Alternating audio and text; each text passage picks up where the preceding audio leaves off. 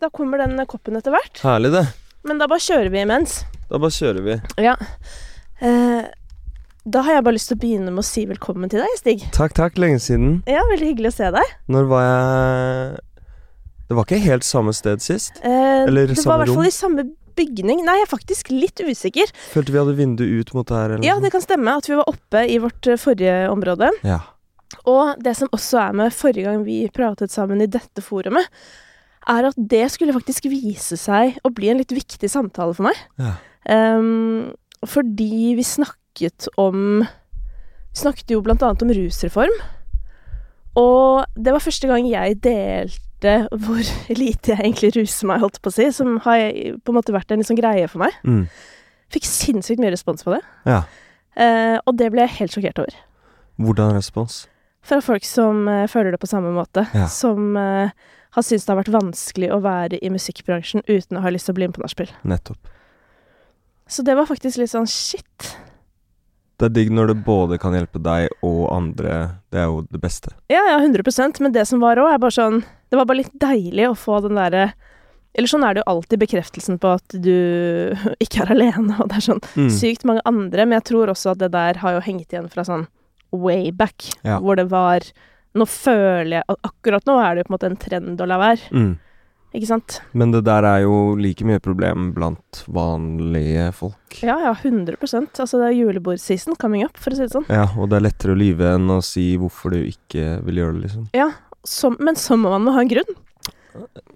Og det mener jeg til alt i livet, på samme måte sånn så, hvis du vil ruse deg, eller sånn Mm. hvis du vil slanke deg, eller hvis det bare sånn Har folk krav på min grunn? Nei, men folk gir seg ofte ikke før de får den. Nei, det er sant. Og så må den være god nok. Ja.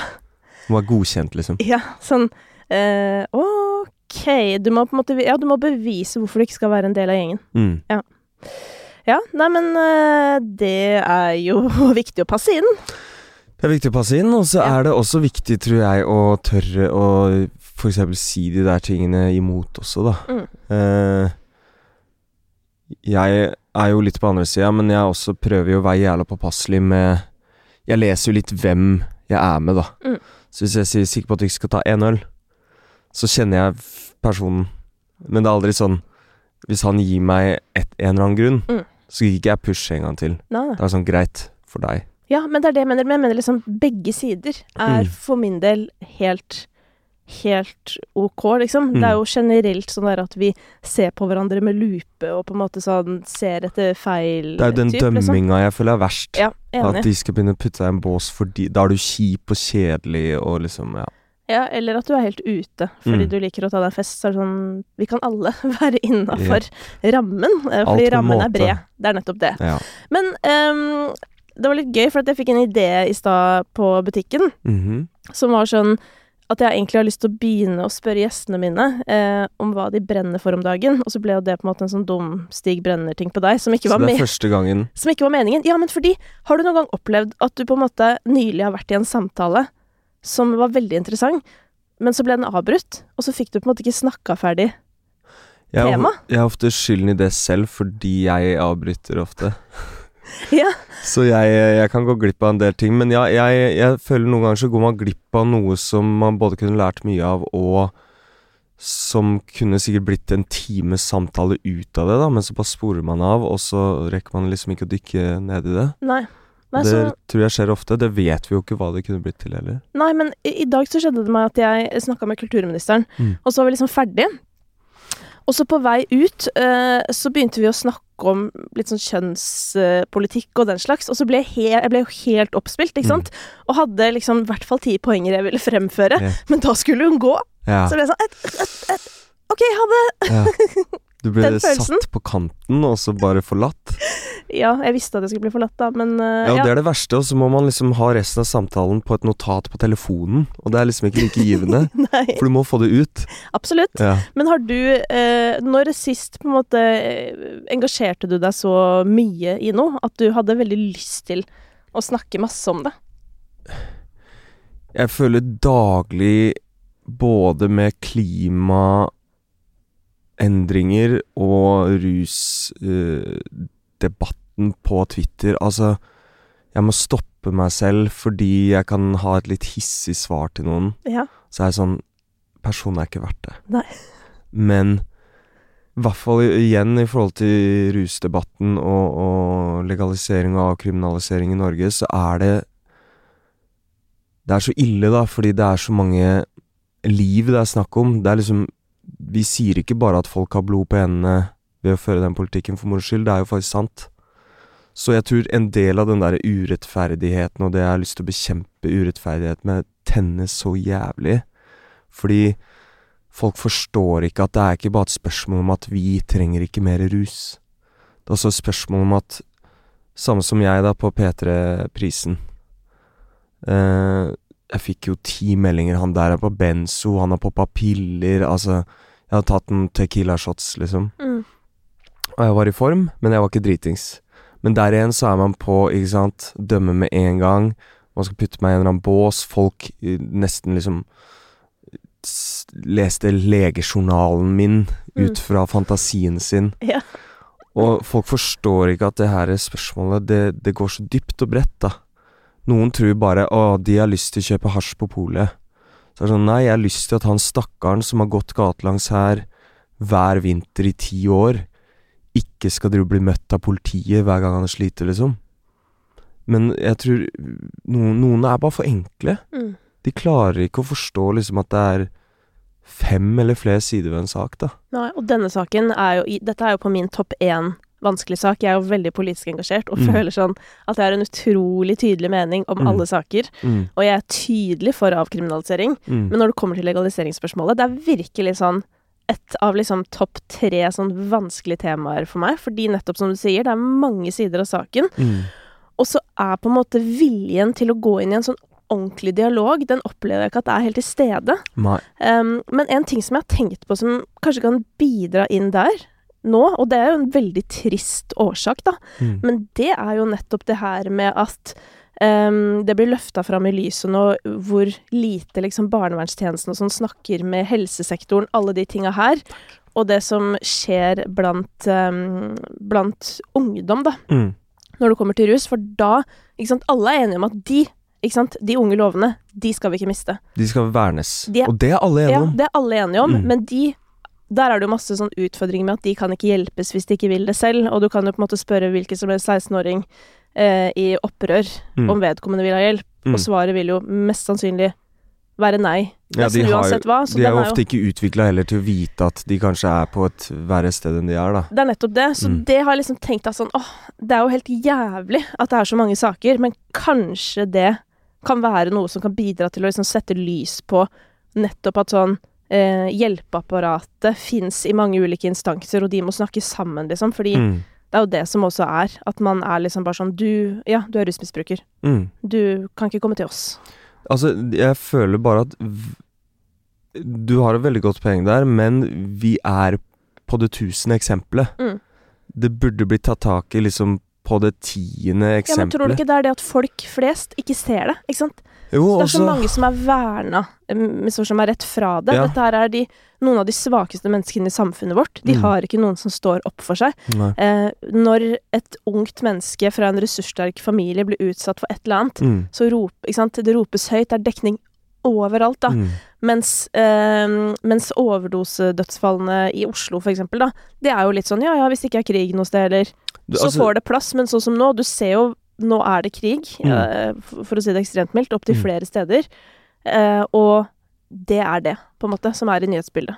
Og så er vi nå Vi er på et punkt i verden der det skjer så mye fryktelig at over 300 stykker i Norge som dør av overdoser, det er ikke fryktelig nok. Nei, det er nesten på det nivået, ja. Ja, fordi du har enten Trump som har et sirkus i USA, ikke sant. Mm. Det er mye mer underholdende å se på. Eller så har du en konflikt der det dør tre ganger så mange daglig, ikke sant. Uh, og jeg er sånn Jeg mener at uh, man kan tale mange saker, men jeg har jo tatt den her rusreform og rusdebatten inn til hjertet fordi jeg føler jeg kan bidra med noe, og det er liksom Det er vårt eget land, da. Mm. Jeg føler ofte det er vanskelig vanskelig liksom Hva skal jeg poste i forhold til humanitær hjelp der nede? Hva er riktig? Hva kan jeg gå god for at skjer? Kommer pengene fram? Mm. Den delen syns jeg til tider er vanskelig. Mens her så kan jeg liksom Jeg kan kanskje educate både de yngre og de eldre litt, da. Fordi jeg tror mange også ikke har hatt problemer der noen i familien har rusa seg, så de har satt seg nok inn i det. Og i mange tilfeller også så har de rett og slett ringt politiet på sitt eget barn. Mm. Som jo er noe av det verste du kan gjøre. Så bare sånn Ja, igjen, det er en delikat sak, og det er jævlig vanskelig å vite hvor man skal starte. Mm. Men vi har så mye problemer med alkohol, og det her kunne også hjulpet vårt syn på alkohol, da. Mm. Og kanskje fått Folk ruser seg uansett. Det har vi gjort siden Hvis du tror jorda ble til rett før Jesus, så har vi gjort det siden da. Hvis du tror vi ble til 100 000 år før det, så har vi gjort det siden da. Altså, sjamaner var vår statsminister før, liksom. Mm. Så jeg tror det også er en sånn vrangforestilling om at vi kan komme til et samfunn der det er liksom null visjon på rusbruk, og alt skal bare være alkohol, liksom. Og jeg har jo hatt en onkel som eh, dessverre gikk bort, og slet mye med det også, med alkohol. Og derfor også er det sånn å sitte og se liksom at folk skal shame weed på samme måte som noe du kan kjøpe på polet og ta overdose på samme kveld. Men det er ingen som vil ta den samtalen. Og russetida, det er bare sånn ja, pass på da, vær forsiktig, men kos dere, liksom. Så har du 16- og 17-åringer som liksom Ligger med nesa nedi brøytekanten. Ja, og de drar på, liksom. Det er Mm. 20 rusbuss på en kveld, og liksom Det er ikke bra. Og jeg sier ikke Altså, greit, i en ideell verden så har vi ingenting, men det, det kommer ikke til å skje. Too late. Ja. Too late. Too late. Ja, men det er jo Jeg tenker jo at liksom det der med at det er Forhåpentligvis også faktisk blir en aksept for å være mer sånn som meg, da. Ja. Eh, det er jo også bra, liksom, fordi um, fordi det er en side av saken som jeg er opptatt av òg. Det derre å kjenne på press, eller du vet den derre ikke klare å stå i sin egen stemme-aktig. Mm. og hva det igjen kan føre til, da. Eh, men det er, det er liksom Det er som du sier, det er så sinnssykt vanskelig, for jeg tror vi liksom Jeg tror veldig mange av oss er enige om at vi må ta våre egne valg, alle de tinga her, ikke sant? Mm. Og alle er jo også mest sannsynlig enig i dette med liksom ideelt sett rus med måte. Mm. Samtidig, noen mennesker har helt sinnssykt utfordrende liv, Mm. og lærer på Altså, og har ikke lært å håndtere følelser. Og så er rusen veien dit. Mm. Og det har jeg tenkt på mange ganger for meg sjøl. Bare herregud, hvorfor er jeg så forsiktig med rus, da? På en måte er det jo sinnssykt flaks for meg Mm. at jeg av en eller annen grunn har blitt utstyrt med noe som gjør at jeg klarer å håndtere eh, Deale med livet, hvis du skjønner. Du er uten tilfreds dit. uten en Ja. bonusfølelse, og, ja, liksom. og, og, og for det var det neste jeg skulle si. Det er jo ikke sånn at man eh, At det er den eneste grunnen til å ruse seg. At nei. man skal liksom fordi Men ja, det er som du sier, at, sånn, at jeg kan finne det på andre arenaer, typ, da. Mm.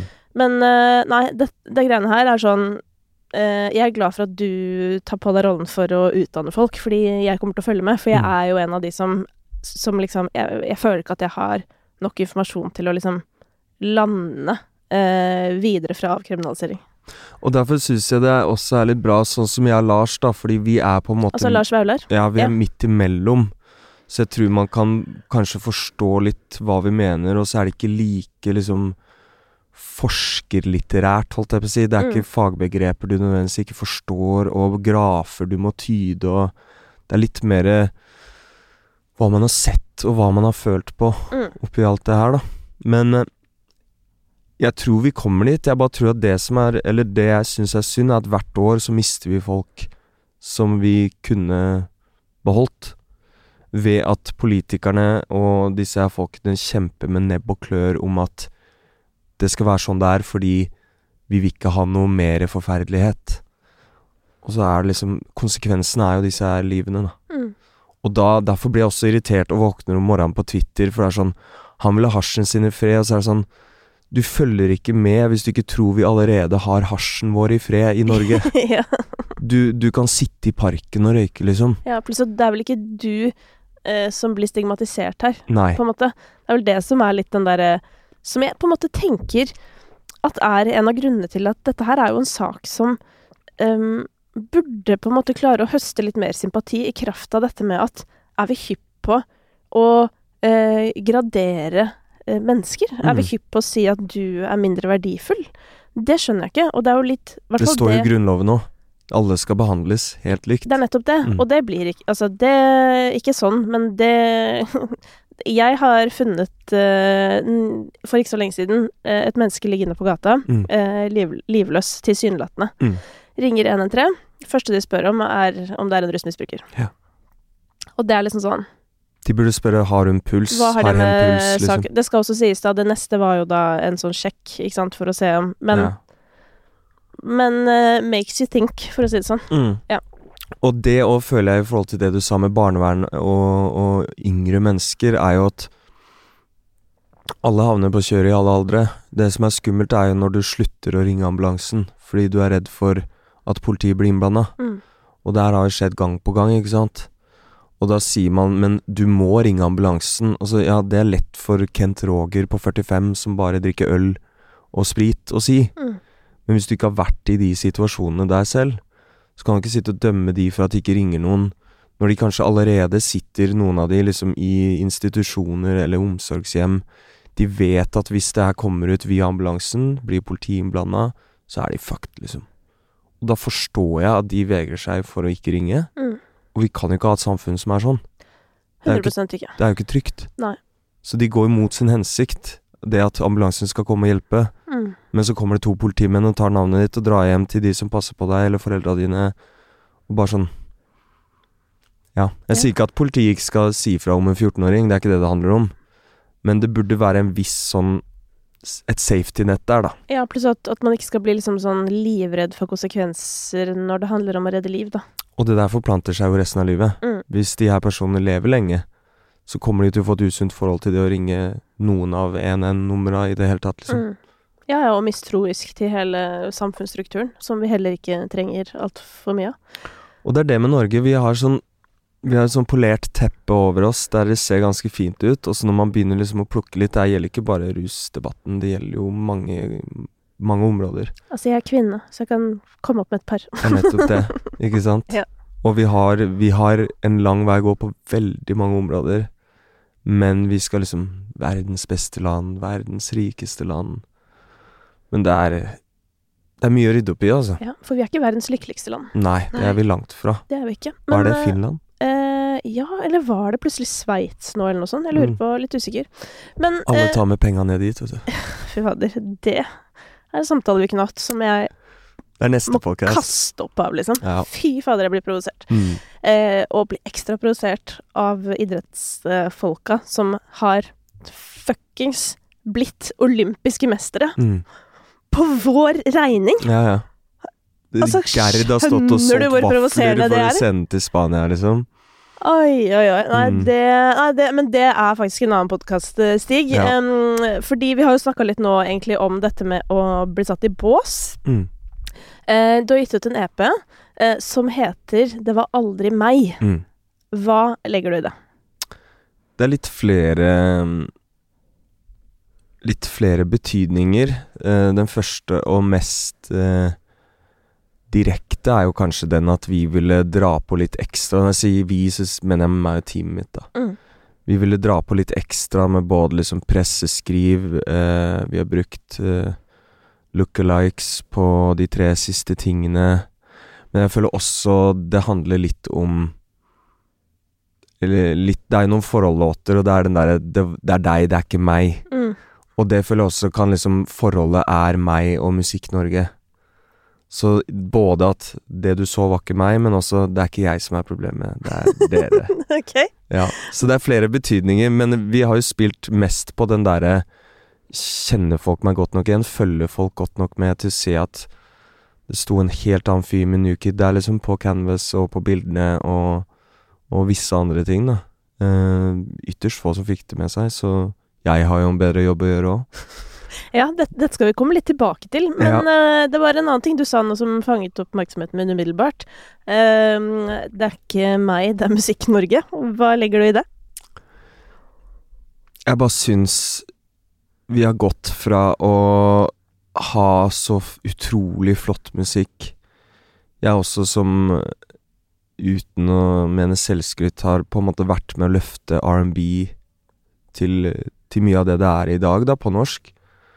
Så handler det nå liksom om eh, hvor mye dop du åpenlyst tar og gir faen, liksom, eller hva du gjør på en eller annen story på vei hjem fra byen og legger ut at du er en drittsekk, eller at du liksom gir faen, eller du skal bare liksom Det skal være en tabloidoverskrift, da. Hvis ikke så blir ikke musikken fet lenger heller.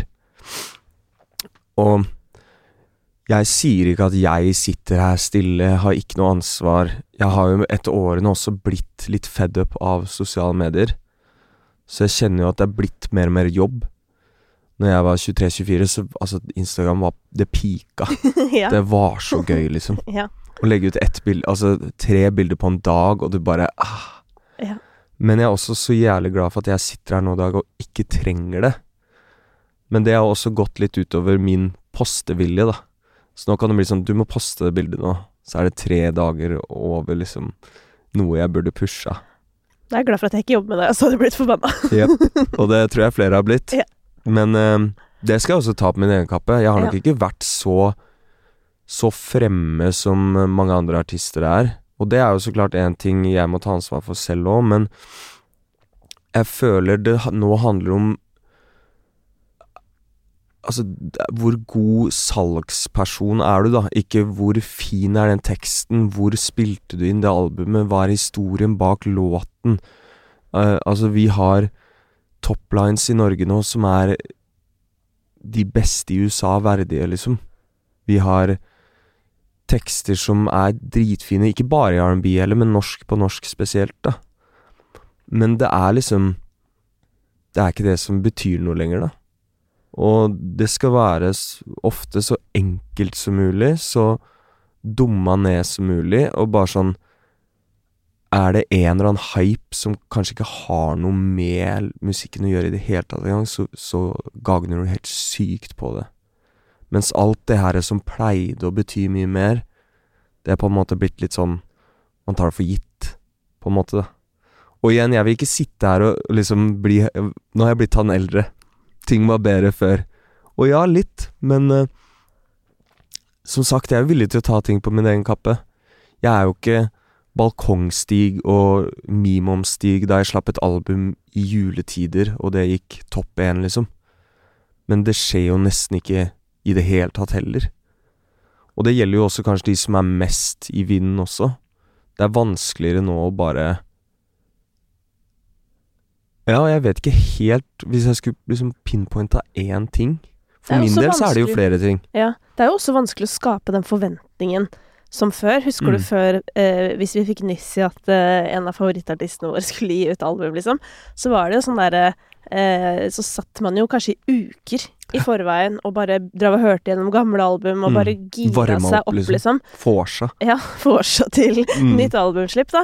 Eh, og eh, for å støtte deg litt i dette, så vil jeg bare si at eh, du må gjerne føle deg gammel, men også det må du ta på egen kappe. Mm. Fordi det er jo også en del helt ferske unge musikere som holder på kanskje i en mer sånn tradisjonell forstand med Mm. musikk, som Mm. sitter og føler på akkurat det samme. Så jeg Mm. tror ikke det er nødvendigvis en aldersting, men jeg tror nok det salgsgenet, da, kanskje er det som eh, skiller mest de som eh, trives Mm. eh, og mistrives med dagens situasjon. Mm. Ja. Igjen, altså um, Helt enig, men med alderen så er det jo så klart En 19-åring føler mer til felles med en 20-åring som slipper noe bare fordi de kan antakeligvis bare tror de relaterer mer naturlig, da. Så så klart, jeg må på en måte legge inn litt ekstra arbeid fordi det er over ti år mellom mange av de jeg prøver å få til å finne meg igjen, da. Mm. Eh, og vi har jo antakeligvis helt andre liv, liksom. Altså totalt på hver sin side av hva det vil si å leve. Men hvis du ikke er Mio, eller hvis du ikke er en av de som er født for å liksom være programleder når du tar opp selfiekamera og filmer Nå snakker vi om Mikkel Kristiansen fra Broiler, som er- er, og er- legendary på SoMe. Det er skryt til han, altså. Ja. Han Han Jeg vill. tror uansett hvilket møte jeg er i om det her, så blir han tatt opp som et Ja, eksempel. men det er sinnssykt dårlig gjort. Fordi han er jo en fantastisk innholdsprodusent, punktum. Jeg hadde ansatt han alle dager i uka, hvis Mm. du skjønner. Mm. Så det, han er i en egen liga. Det er nettopp det, og det er ikke et det er ikke en gave alle har. Det er ikke noe alle er tilfreds med heller, og komfortabel med. Og for min del, å stå sånn her og mime tekster til låter jeg har kommet med på TikTok, så jeg, jeg klarer det ikke. Og da mister jeg så mye av liksom en verdifull plattform, ved at jeg rett og slett syns for min del det er litt kleint. Og da sier ikke jeg at det er kleint å gjøre det. Da sier jeg bare at det skinner igjennom med en gang du selv ikke føler det, ikke sant. Og er det noen som sitter og følger med, så er det de kidsa på TikTok, og de tar deg med en gang. Mm. Altså, de drit... De skriver liksom. Faen, du er fire klein, ass. skriver. Ja, ikke sant? Du får høre det, liksom. Heldigvis har jeg blitt uh, hard i huden, men jeg har også vært sånn Ja, jeg, jeg er bare ikke helt han fyren. Og jeg lider ingen nød. Det er ikke sånn at jeg må legge opp i morgen fordi jeg, jeg Det går ikke bra nok. Men i, jeg tror jeg bare må prøve å finne liksom Hvor er jeg i den her nye verden, og hva kan jeg gjøre som både er komfortabelt, men også ikke er noe alle andre gjør, da, eller noe som folk kan liksom komme og se på meg for. Men altså, ærlig, jeg er blitt kjedelig, liksom. Jeg er blitt eldre. Jeg, jeg, jeg koser meg hjemme. Ja. Og covid gjorde noe med meg òg, liksom. Ja. Jeg har blitt mye mer hjemmekjær. Jeg tar meg heller en fest i studio enn på byen, liksom. Tar heller noen ekstra øl der når jeg sitter og lager en låt, enn å stikke et sted med dansegulv og Red Bull og sprit i flasker i bøtte, liksom. Jeg er blitt mer sånn Jeg trenger ikke så mye lenger, da. Og det tror jeg også vises jo på en måte. Men det er jo igjen synd. Men nå må ikke vi glemme at du for relativt kort tid siden eh, spilte konsert for et utsolgt eh, Oslo Spektrum. Eh, Der brukte jeg to år på å selge. Ja, but still. Jo jo, så klart. You Så did it. Det er jo sånn Ja, ja. Hvem er det forunt, liksom? det er ikke synd på meg igjen, og det er derfor jeg prøver å si det mange ganger. Men eh, jeg tror det jeg vil fram til, er at til og med for oss som har vært der så lenge, og nå har jeg vært der en del år, liksom, Mm. så er vi har vært i et sånt skifte nå rundt covid etter, der det bare det er som om ting har blitt litt resatt, da. Mm. Og så må til og med vi, akkurat som de nye artistene, må finne veien sin, og hvordan funker det yrket her. Føler jeg vi eldre også er litt der, da. Mm. Men hvorfor er det viktig for deg å sette lys på det her? Altså, jeg forventer ikke at jeg skal sitte her og ha en eh, soleklar tale, og så vil ting forandre seg, og det tror jeg ikke heller. Men Ja, igjen, kanskje litt som den tingen rundt rusdiskusjonen vår forrige gang, da, at øh, jeg føler meg ikke alene i det, men jeg tror veldig mange andre også føler på det samme. Mm. Jeg har jo prata med flere andre, og Dagny også, liksom Produsenter som jeg har jobba mye med oppover, og det er liksom du, Det holder ikke å bare være en artist lenger, da. Og hvem som har skylden i det, og det, det er ikke én person eller ett label eller Nei, altså Hvis det er Change noen, times, så er det liksom. jo publikum, Ja. på en måte. Men som du sier, så er det vanskelig å pinpointe akkurat hva det er publikum gjør annerledes nå enn tidligere. Mm. Men du sier jo at det på en måte ikke holder å være seg selv lenger. Hva legger du i det? Jeg Jeg føler folk forventer litt at livene til artister også skal være litt The Kardashians. Du skal få alle intrigene, du skal få drama, du skal få eh, de verste nedturene, og du skal se de live på Instagram liksom mens de går gjennom en psykose. Altså Jeg føler man må ha så ekstreme versjoner da før det begynner å bli virkelig spennende. Og jeg tror jo også derfor, når jeg kom ut som Unge Ferrari og var han herre jeg var da, så var jeg jo en mye mer ekstrem versjon av meg selv. Men det er litt det sier nå så har jeg kanskje blitt Blitt eldre, blitt mer komfortabel, og da er det jo kanskje litt kjedeligere også. Men Ja, det er liksom Du må pushe så mye, føler jeg. Mm. Men føler du at, um, at din, hva skal jeg si, eh, artisten i deg, da, eh, kunstneren, føler du at den også har blitt kjedelig, eller er Nei. han den samme? Nei, ikke sant? Jeg føler jo Sceneshowet mitt jeg kan jo ikke sammenlignes engang, liksom. Jeg hadde kanskje noen kulisser. Eh, og ja, du var jo i Spektrum, liksom, og det er jo på en måte volum én av det jeg har lyst til å prøve å få til. Det er en annen diskusjon vi kan ta etterpå. hvor, hvor standarden er lagt nå for liveshows, og hva det gjør med oss artister. Ja. For det er også en litt vanskelig greie å være i. Ja, hei til dere, Karpe, Ja. blant andre. Og Sondre som er med Starlink sine satellitter på scenen her, liksom. Hva skal man uh, ta med etter de? Ja. Eh, men uh, Jo. Unge Ferrari var ekstrem, men også fordi jeg var en usikker, yngre fyr som kanskje ikke tenkte over ting like mye. Og til tider så grenser det over til overtenking, så klart. Men nå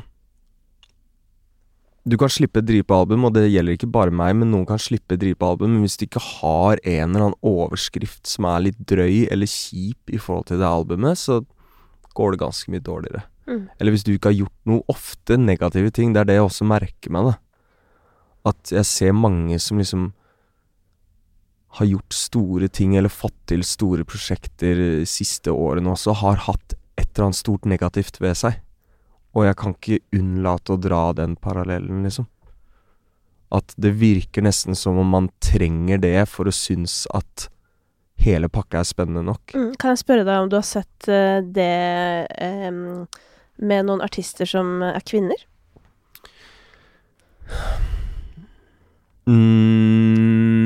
mm, Nei. Interessant, ikke sant? Mm. Mm, fordi den strategien, den fungerer ikke som kvinne. Nei, men det er Eh, jo fordi gutter ikke- kommer unna med det, Ja, ikke og nå kan jeg ikke Jeg sitter jo ikke her med bevis, men nå går det jo rett inn i noe av det som Mm. irriterer meg mest i hele livet. Mm. eh, I hvert fall i mitt privilegerte liv, da. Og det handler jo om nettopp dette. Og Mm. nå er det jo en Jeg har en fast person jeg kaster under bussen. Som jeg aldri har møtt, tror jeg. Så på en måte beklager på forhånd, men vedkommende har skyld i det selv. Mm. Og det er da eh, Isak Dreyer. Jeg vet ikke Ja. om du vet hvem det er? Eh, dette er da en person som var med på Norges tøffeste Ja. hvor han er litt sånn halvkjip der inne. Så blir han kasta til Farmen, hvor han er enda kjipere. Mhm. Egentlig skikkelig kjip mot de andre. Mm. Kommer ut fra Farmen. Han får eh, bokkontrakt og podkast på NRK. I rest my case. Mm. Hva er det som skjer med verden? Mm. Og hva slags forbilder er det vi, på en måte? Fordi igjen, det er jo publikum som på en måte velger å gjøre han populær, tross alt. Og så er det jo vi som hele tiden belønner, ikke Mm. sant, disse menneskene. Men Mm. da mener jo jeg at for eksempel da eh, forlagene, NRK, eller du vet sånn, kanskje man skal sånn Er dette de menneskene vi ønsker? Og hvorfor er du fremover. egentlig kjent? Er det fordi du hadde dramatikk rundt deg? Som regel er det det. Ja, men det er det jeg mener. Så Mm. det på en måte Dessverre, da, i vår tid, så vi, tilsynelatende, i hvert fall som mann, da, så lønner det seg jo å være Mm. rasshøl i offentligheten. Mm. Fordi det er det eneste. Hvis Ja. jeg skal si nå sånn Ok, du har lyst til å bli kjent dritfort, Mm. og du er gutt, liksom, ja, Da er anbefaler jeg deg å være ja, fæl, liksom. Mm. Dessverre. Mm. På en eller annen måte, liksom. Ja. Og gjerne hold litt ved det òg. Det holder ikke med én gang. Gjerne litt Nei, flere nei, nei. ganger. Folk må tro på at du er sånn, ja. Yep. Å ja, ja, ja. Mm. Ja, så blir det litt sånn Herregud, har du sett han, eller? Han er jo helt syk, da. Mm. Uh, det er den ting jeg også har tenkt på. Um, nå skal det igjen sies, jeg har, ikke, jeg har ikke vært til stede under disse konsertene, men det ryktes jo å ha vært noen nyhetssaker om Rock Boys sine konserter, hvor det har vært liksom homofiendtlighet, Mm. og det har vært uh, altså porno det, Altså Det har vært flere ting, da, og Ja. merkelige uttalelser. Mm. Spiller fortsatt konsertene sine, de. Ja, ja. Fortsatt, eller, ingen bryr seg. Uka etter så har de 5000 nye følgere, liksom. Mm. Det er konsekvensene. Ja. Så de få som ikke syns det er fett, det har ikke så mye å si det regnestykket uansett. Og det er det jeg syns Det går også litt tilbake til de talkshow-greiene, i hvert fall i Norge. Det gjelder jo i andre land også, men det er sånn Hva er den tristeste, kjipeste historien du har? Mm. Kan vi Kan vi ikke ha intervju, liksom, der det bare Holder det ikke å bli glad lenger, liksom? Å få en god, god historie, Nei, men liksom? der har jeg faktisk et, eh, et kvasivitenskapelig svar til deg. Fordi eh, for at vi mennesker skal knytte oss sammen, Mm. eh, så er vi nødt til å være sårbare. Mm. Fordi det er da vi møtes. Så Mm. man, kan være, man kan ha partyvenner, det her kan sikkert mange kjenne seg igjen i. Spesielt ved et starten av 20-åra singel. Så er jeg sikker på at mange av oss har hatt sånn festvenner. Møter de aldri utenom på byen. Men Ah, drar Angstkompiser. Eller det. Ja. ja. Um, og, altså utestedet, ikke ja, jeg skjønte det, Ja. men jeg, jeg syns at den andre betydningen også var såpass riktig. Jepp, det passer til begge. Um, og de menneskene kan man jo ha det kjempegøy med, Mm. Men de blir sjelden spesielt nære. Du ringer ikke de når øh, noen i familien har fått kreft, liksom? Nei. Med mindre man da selvfølgelig har fått et veldig tett bånd, fordi man har møttes i sårbarheten på en eller annen måte. Mm. Så det fins veldig mange gode grunner Mm. for at eh, det Hva skal jeg si At det kan være noe ekte fint i å Mm. være sårbar, f.eks. på TV og alt sånt. Men Mm. for min egen del, da, eh, så liker jeg jo også å finne de historiene. Men, og det er et stort men, og det er hvilken funksjon har denne historien i denne settingen? Mm. Skjønner du? Kan det knyttes til sangen du her er for å snakke om? Um, kommer man liksom inn på det på en naturlig måte? Fordi jeg har jo lagd dette programmet som et Haik uh, back in the days, og der er, har det jo blitt fortalt en del historier fra forskjellige artister. Mm. Og det har jo vært en sånn kjempegreie for meg. sånn herre øh, Jeg vil ikke at folk skal fortelle historier bare for å fortelle den, sånn at vi skal ha en sånn wow, hva skjedde? Men må- der får du så lang tid ja, men det med er nettopp det, ikke sant? Og det er det som er poenget mitt. At da vil på en måte enhver historie være en viktig del av den hele fortellingen. Jepp. Du har ikke Um, sju minutter i en stol, og Nei, og det er veldig rart at du skal komme inn sju minutter i en stol og bare ja, Onkelen din Slet med døde, og det. og han Fortell om det. Og så Mm. forteller du om det i syv minutter, så bare ja ja, takk for deg, ha Og det du har en liksom. ny låt. Nå skal vi Ja. gjøre igjen. Ja, det er rart. Det er jeg helt enig i. Mm. Men så er jo problemet også at liksom um, At forum, holdt jeg på å si, for å dele musikk og alt det, er jo Det fins jo ikke lenger. Uh, så det Jeg har jo tenkt på at sånn som artist, så kanskje man i den grad man trenger å gjøre liksom promo eller syns, så burde man jo nesten bare syns i andre settinger, hvis du Mm. skjønner. Mm. For da slipper du i hvert fall å eh, gråte i stolen, Ja, ja. eller sånn. Da kan du jo bare kødde, da. Mm. Og du er jo kødden, så du kunne jo kødda et eller annet sted, liksom. Det er det. Og Ja. det er det jeg føler i forhold til Karpe, da, for de er jo liksom det beste eksempelet på det å klare å holde seg relevant, men å ikke være drittsekker. Men tingen er at de har et så stort maskineri at når de gjør noe svært, så må man nesten skrive om det, fordi det er så stort. Mm. Men så sitter eksempel jeg og noen andre som er litt sånn midt i, og vi har Altså Foreløpig så kan ikke jeg fylle ti Spektrum. Hadde jeg gjort det, så hadde jo det blitt i seg selv en sak på VG, ikke sant? Mm. Men én Spektrum er ikke nok til å skrive i VG. Fordi det har blitt vanlig. Ja, except at det er jeg heller ikke enig i, da. For det er jo ikke liksom Det var jo eh, Etter covid så var det på en måte noe sånn etterheng. Mm. Så det var noen av det Det var liksom deg, eh, Sondre, Chris Holsten, Gabby, Dagny. Ja. Og så er det jo da Undergrunn som skal gjøre det nå. Mm. Er det noe flere som jeg har glemt nå, da? Det var bare en veldig sånn Ja. eh, samla, og Gabby gjorde det jo med Veronica. Veronica Maggio. Mm. Og for min del, da, de navnene vi snakker om nå, Mm. altså den som har vært på en måte artist kortest utenom Undergrunn, er jo Chris Holsten. Mm.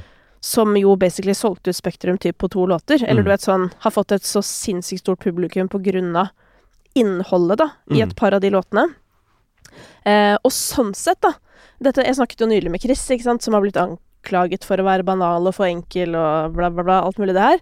Da er det sånn Det må folk gjerne mene, Mm. men hans sitt språk treffer jævlig hardt Mm. hos veldig mange Mm. som sitter hjemme og griner og føler at dette handler om meg, liksom. Og det har faktisk klart å flytte publikum til å fylle Oslo Spektrum. Mm. Det er jo sånn sett eh, et lyspunkt, tenker jeg, da, oppi det du beskriver. Helt klart, og vi har nå Altså, jeg hadde dratt nesten, i hvert fall betalt Nå drar ikke jeg på mange festivaler i Norge uten at jeg spiller der, da. Men vi kunne arrangert en 100% norsk festival nå, og jeg hadde dratt på den selv. Mm. Og der var vi ikke for liksom seks år siden engang. Og bare det òg er jo et utrolig bra tegn, men jeg tror også at levetiden er mindre for artister nå, med alt som kommer ut, og alt fra alle kanter, hvis du ikke er, som vi har snakka om, litt kjip eller jævla ekstrem på en eller annen måte. Mm. Så vil du også mye fortere drukne i alt det andre støyet, da. Men det er jo, dette med levetid er jo også veldig spennende, fordi hvem lever lengst? Mm. Ikke sant? Og jeg tror at sånn em, På et eller annet nivå så relaterer jeg jo litt til det du sier. Det handler jo om at jeg er ikke en ekstrem person. Uh, jeg er ekstremt ivrig, på en Mm. måte, men der slutter min ekstremisme. Mm. Og utenom det, og uh, det har også forandra seg veldig med meg, da fra for 15 år siden til nå, er at før så var jeg veldig sånn Jeg snakker ikke med folk som er sånn, og jeg Mm. er ikke sånn For å sette det på spissen, selvfølgelig. Mhm. Mens nå er jeg stikk motsatt, og er Ja, du hører jo det når vi diskuterer rusdebatten nå. Jeg er jo egentlig er veldig imot rus Mm. hvis jeg må velge, hvis du skjønner. Mm. Men det kan ikke falle meg inn å være sånn 'Jeg har ikke lyst til å ta det selv, så jeg skal Altså, Nei. det er ikke sånn jeg fungerer i det hele tatt, da. Og det er en veldig upopulær eh, måte å være på i Mm. dagens eh, offentlige debatt, virker det som. Mm. Fordi jeg er kjedelig å ha i debatten, fordi jeg eh, prøver å se to sider av saken. Og Ja, det er, vil man du ikke er lenger. er for mye i midten til at det er spennende. Ja, på en måte, men så er det absolutt mange steder jeg er på begge sider. Men jeg har jo tenkt på det også sånn eh, På et eller annet nivå så jobber jo jeg også på internett, i hvert fall deler av jobben min. Og så ser du på en måte alle andre som lykkes med det, ikke sant? Som ja, kanskje er litt ekstreme på den ene eller andre måten. Men jeg tror liksom òg at jeg lever i en sånn tro, jeg, om at ting hele tiden endrer seg. Og at på et eller annet tidspunkt så er det sikkert kult å være i gåsetegn normal, eller Ja. sånn. Og at uansett hva, og dette her høres kanskje ut som jeg lyver når jeg sier, men for meg er det faktisk en veldig trøst i at jeg er bare som jeg er. Ja. Og jeg er fornøyd med det. Mm. Og så kan jeg innimellom bli usikker, Mm. fordi noen kanskje prøver å fortelle meg noe annet. Eller at jeg ser at andre som jeg identifiserer meg med, får kjeft. Eller du vet sånn. Mm. Men så kommer jeg hele tiden tilbake til sånn Syns egentlig ikke jeg er så ille, jeg. Nei, og så slipper du å drive og ligge i senga kvelden etter du har hatt et intervju eller noe sånt, bare sånn faen, jeg gikk over streka.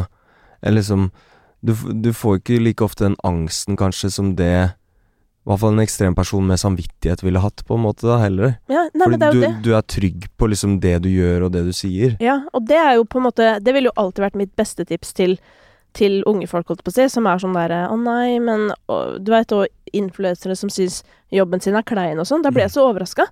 Hvorfor syns du det? Mm. For at det, det lille jeg gjør av det, jeg syns ikke det er noe flaut, jeg. Fordi jeg, jeg har jo lyst til det. Mm. Eller du vet sånn Ja. Jeg jobber jo bare med ting jeg digger. Så Og hva er hva er alternativet, liksom? ja, så blir jeg litt sånn Men hvis du syns det er dritt, så ikke gjør det. Nei. Eller ja, Prøv det- noe annet, kanskje? Prøv absolutt noe annet. Men du var litt inne på det selv, ikke sant? Men én ting er jo det derre at um, Ok, si at det hadde holdt å være seg selv, da. At du ikke trengte å være ekstrem. Så er jo fortsatt ikke du et veldig godt eksempel i denne debatten, føler jeg. Fordi du deler jo veldig lite. Mm. Eh, jeg syns du deler mye i musikken, altså, mm, og nå vet jo ikke jeg i hvilken grad det er sånn rett ut av eget liv, men hvis det er det, så kan man finne ut mye om deg. Mm. Men når det kommer til å være synlig, Mm. så opplever jeg jo deg som en av de mindre synlige artistene vi har. Altså Gabrielle er også veldig lite synlig. Jeg kan dra opp flere. Cezinando, det er mange som er det. Men dere, ja, egentlig litt dere som kom opp i samme periode. Mm. Mange av dere har liksom trukket dere litt tilbake i sosiale medier. Men Ja, i sosiale medier, men sånn som uh, Hver gang vi møtes for meg, var Ja. jo Et Ja, langt steg ut av sonen. Det var et langt Det var, eh, det var til månen, liksom. Ja. Og eh, hvis man ser alt i alt, så vil man jo kunne lære utrolig mye om meg hvis man ser liksom D2-intervjuet jeg har gjort, hvis man ser på Lindmo-episodene. Man vil jo lære det meste, men i det landet her òg så føler jeg at igjen litt tilbake til de triste historiene på en stol på talkshow, så blir jeg litt sånn Skal jeg dra tilbake dit og liksom prøve å finne en annen historie jeg ikke kom på forrige gang jeg var der? Jeg blir også litt sånn Jeg vet ikke, jeg. Jeg er musiker, og jeg har lyst til å lage musikk, og jeg har lyst til å røre folk.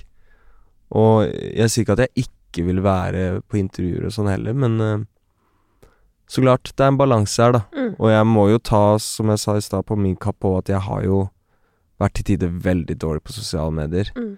Og det har også blitt til en del av meg som har blitt litt for selvkritisk også, da. Og da igjen at Instagram plutselig føles ut som en jobb, kontra at det var morsomt før. Ja. Så nå er det sånn Det her er ikke verdig nok, for det gir ikke nok info. Ja. Ikke sant? Det er sykt. Og hadde jeg bare posta tre ting denne uka, så hadde jeg fått mer ut av det enn å Ja, overtenke det 100%. ene bildet. Ja, altså jeg har jo Men eh, dette her er Jeg tror jo det er litt det der med å Eller kanskje det er litt med å liksom bli voksen òg, ikke sant. At du blir jo litt sånn herregud, skal jeg også skal jeg også sitte her og Ikke sant. Og de tankene tror jeg alle får, helt uavhengig av alder også. Mm. Men eh, en ting jeg i hvert fall bare kan hilse og si fra egen erfaring, er jo at idet du liksom går av internett, så er det jævlig vanskelig å komme tilbake. Mm. Eh, så jeg går aldri av, da. Fordi, men jeg syns jo det er gøy, da, så det er jo greit nok. Men, men, eh, men jeg har hatt liksom perioder sånn hvor jeg på en måte plutselig ikke har posta noe på en uke, da, ikke sant. Ikke noe sted. Bare det er lenge nok. Og bare det å ta opp den mobilen da, bare hei, hei, Ja. I dag hadde jeg tenkt Så er det sånn med en gang du går rett i selvbevisstheten, bare i helvete, hva er det jeg driver med? Yep. Og det er jo noe rart Det er jo noe rart og unaturlig med det. Men det som er så utrolig fint med det, er jo at det er jo med på å bygge um, en plattform og et rom for at du skal få kunne gjøre mer av det du har lyst til. Mm. Ja, så det er jo motsigende. Mm. Veldig. Men jeg har fått det litt sånn med det der som jeg har hatt det med regninger når økonomien min var helt fucked. At jeg endte med å la det hope seg opp, Ja. og ikke åpne noen av de. Og så fikk jeg en regning fra kemneren isteden, liksom. Eh, og jeg tror det har blitt sånn her at det har blitt Ja, igjen, det er ikke noe Det har ikke vært så gøy å poste ting, og jeg tror også det presset med at du skal være overalt, du skal være på alle liksom apper som fins der det er folk, og du skal legge ut forskjellige ting på hver av de, og det er liksom sånn Til slutt så ah, Det er ikke nok heller å bare legge ut fire versjoner av låta. Da må du ha en fem, et femte klipp der du gjør Ja, du, Jeg vet ikke, jeg gir hjul. 10 000 til en hjemløs, liksom. Skjønner du? Ja. Ting som plutselig ikke har noe med det du driver med å gjøre, da. Og ja, som sagt, jeg er ikke egentlig en som skal sitte og klage fordi For det første, jeg har det ikke ille. Og jeg, jeg gjør det veldig bra eh, fortsatt. Og jeg, Ja, det bare Men det er jo et slags et lite hjertesukk, da, fordi det jeg på en måte leser ut av dette, og som jeg tror for oss som liksom sitter som publikum på den andre sida, og som jo er musikkinteresserte, som jo du også er på fritiden, på en måte, det er jo liksom hva Altså hva slags betydning vil egentlig dette ha mm, for tida fremover, ikke Mm. sant? Hva slags type artister er det vi tilrettelegger for? Eh, kommer på en måte musikk sånn vi kjente det for ti år siden, kommer det fortsatt til å være om fem år?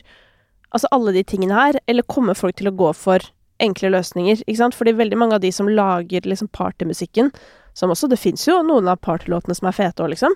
Det er jo folk som er flinke til å lage musikk, ikke sant? Mm. De er jo flinke, mm, men eh, holder seg kanskje i visse sjangere fordi man vet at da kan man kanskje kjøpe leilighet på et eller annet tidspunkt, eller Det blir en oppskrift, da. Ja, og så blir det jo sikkert òg en liten obsession, ikke Ja. sant, fordi vi som liker salg, sånn som meg og sånn, Mm, eh, det er så lett å bli obsessed, ikke sant, med hvordan går det med tallene Mm. eh, og alt det her, og det kan jeg virkelig skjønne, men det vil jo sikkert komme til et skifte på et eller annet tidspunkt, tenker jeg, men det er jo utrolig spennende med Tenk på alle artistene som lager type liksom organisk basert musikk i dag, da. Hva mm. Er det her, liksom, om det, fem år? Det, ja, og det er mye fortere en hobby enn noe du kan leve av, da, hvis du først prøver å være litt alternativ. Ja. Men det er jo der Jeg har gjort det litt vanskelig for meg selv også, fordi etter Mimom-albumet mitt òg, så fikk jeg lyst til liksom alltid prøve å pushe litt. Sounden og retningen og, og hvordan jeg høres ut, og hvordan kanskje jeg kan inspirere andre til å høres ut. Så jeg kunne lagd et russealbum som neste album, og sikkert gjort det mye, mye bedre. Men det for meg er ikke nok lenger heller, da. Jeg kunne lagd liksom ti vanilje- og lianelåter som bare er dumma ned og lite betydning og roping og Tarzan-lyder og alt mulig, liksom. Men for meg så er ikke det nok. Nei. Og det også fører jo til at nordmenn vil jo aldri forstå det på like stor basis, da.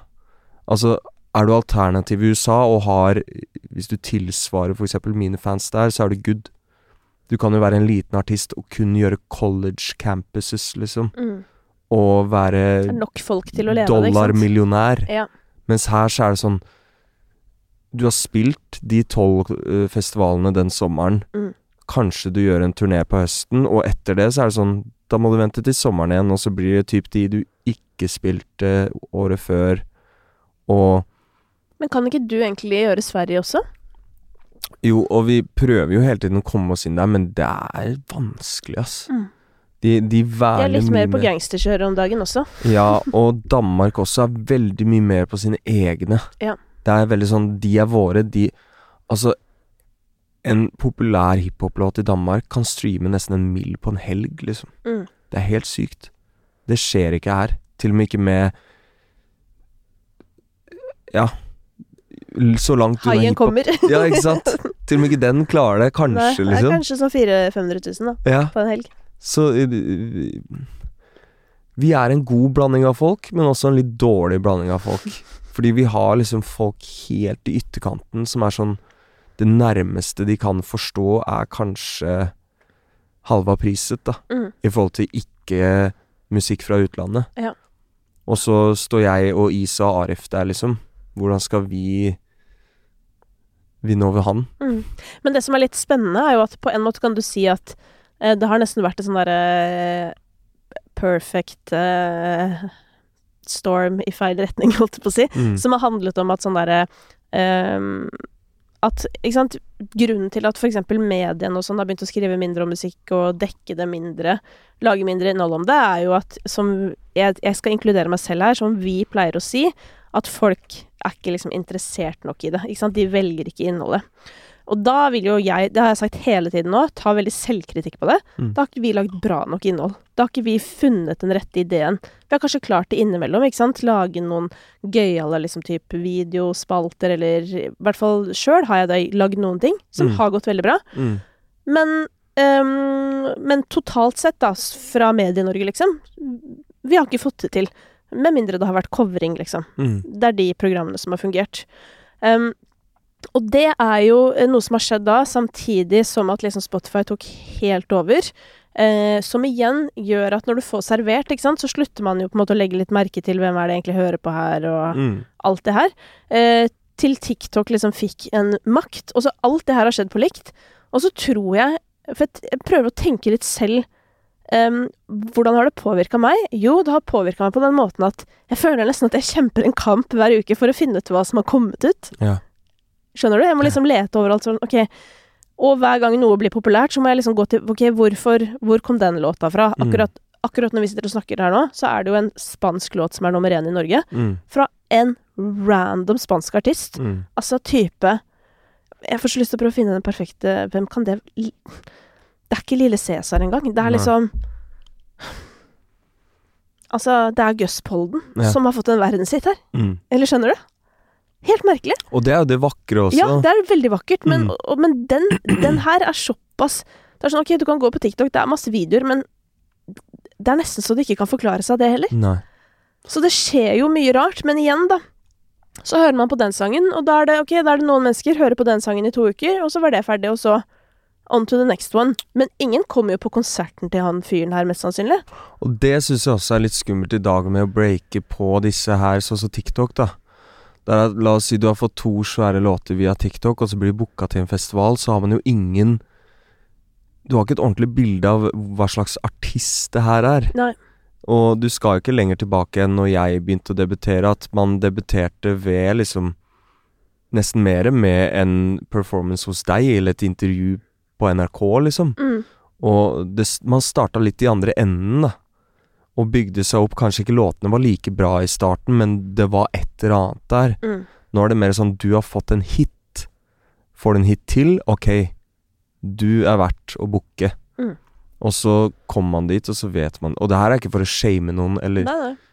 Men liksom der har jo for eksempel Ramón klart seg ganske bra, da. Ja. Skal sies. Um, men jeg Men husker han er et unikum også, sånn Ja da, sett, da. han er special, og Ja. han hadde jo på en måte holdt på med dette lenge før det breaka også, Mm. Som også er viktig å huske på. At noen eh, Og det tenker jeg er veldig heldig for han, da, å, å få lov å ha noen år med å, å ha dunka huet i veggen, liksom, før Mm. det smeller. Men jeg husker han fortalte meg, eh, apropos det du så vidt nevnte i stad om eh, shows, og skalaen på det i disse dager, at han hadde jo da eh, eh, liksom booka en turné på en måte lenge før han ble virkelig populær. Mm. Så han følte så innmari på at han hadde et underwhelming show, hvis du Ja. skjønner, i forhold til hvor stor artist kanskje folk tenkte at han ja. var, da. Forventningene. Ja, og sa så er det bare sånn Å nei, jeg har bare et band og et Mm. mikrofonstativ. Mm. Jeg er ikke nok. Men hva, hva mener du har skjedd i livebransjen, da? For det første, så siden det har kommet så mye bra musikk eh, som er norsk, og så mange store artister, så mye bra låter, så er det også blitt vanligere å booke de på samme spot som det JC hadde fått for eh, ti år siden, liksom. Ja. Men da forventes det også at du har med produksjonen til JC. Og der igjen, så Jeg husker jeg så en VG-sak om Lars Berrum og de som gikk i null etter Spektrum. Jeg tror ikke folk at vi går en mil Jeg tror ikke folk vet at vi går en mil eller mer i minus etter Spektrum, liksom. Og det også er jo noe jeg føler man ikke snakker like mye om, da, hva vi faktisk putter inn for fansen.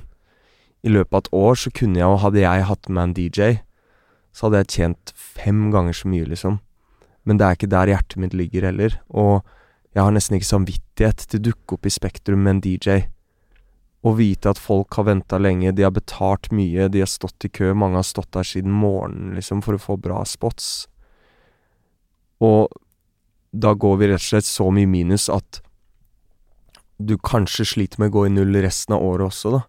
Og det òg føler jeg jo VG kunne lagd utallige saker om som hadde gitt klikk. Mm. Og, og disse her høstturneene våre òg, med store produksjoner, liksom. Det er dårlige regnestykker. Men vi gjør det jo for kunsten, ikke sant? Mm. Men for de fleste artister, som er på en måte mindre enn deg igjen, så er jo en høst- eller vinterturné kun et minnesprosjekt. Mm. Det er det. Mm. Jeg tror jeg må Nå må jeg over Når jeg begynner å nærme meg 80% solgte, så er jeg litt over null. Ja. Ikke sant? Så jeg har ikke mye høy break-even. Ja.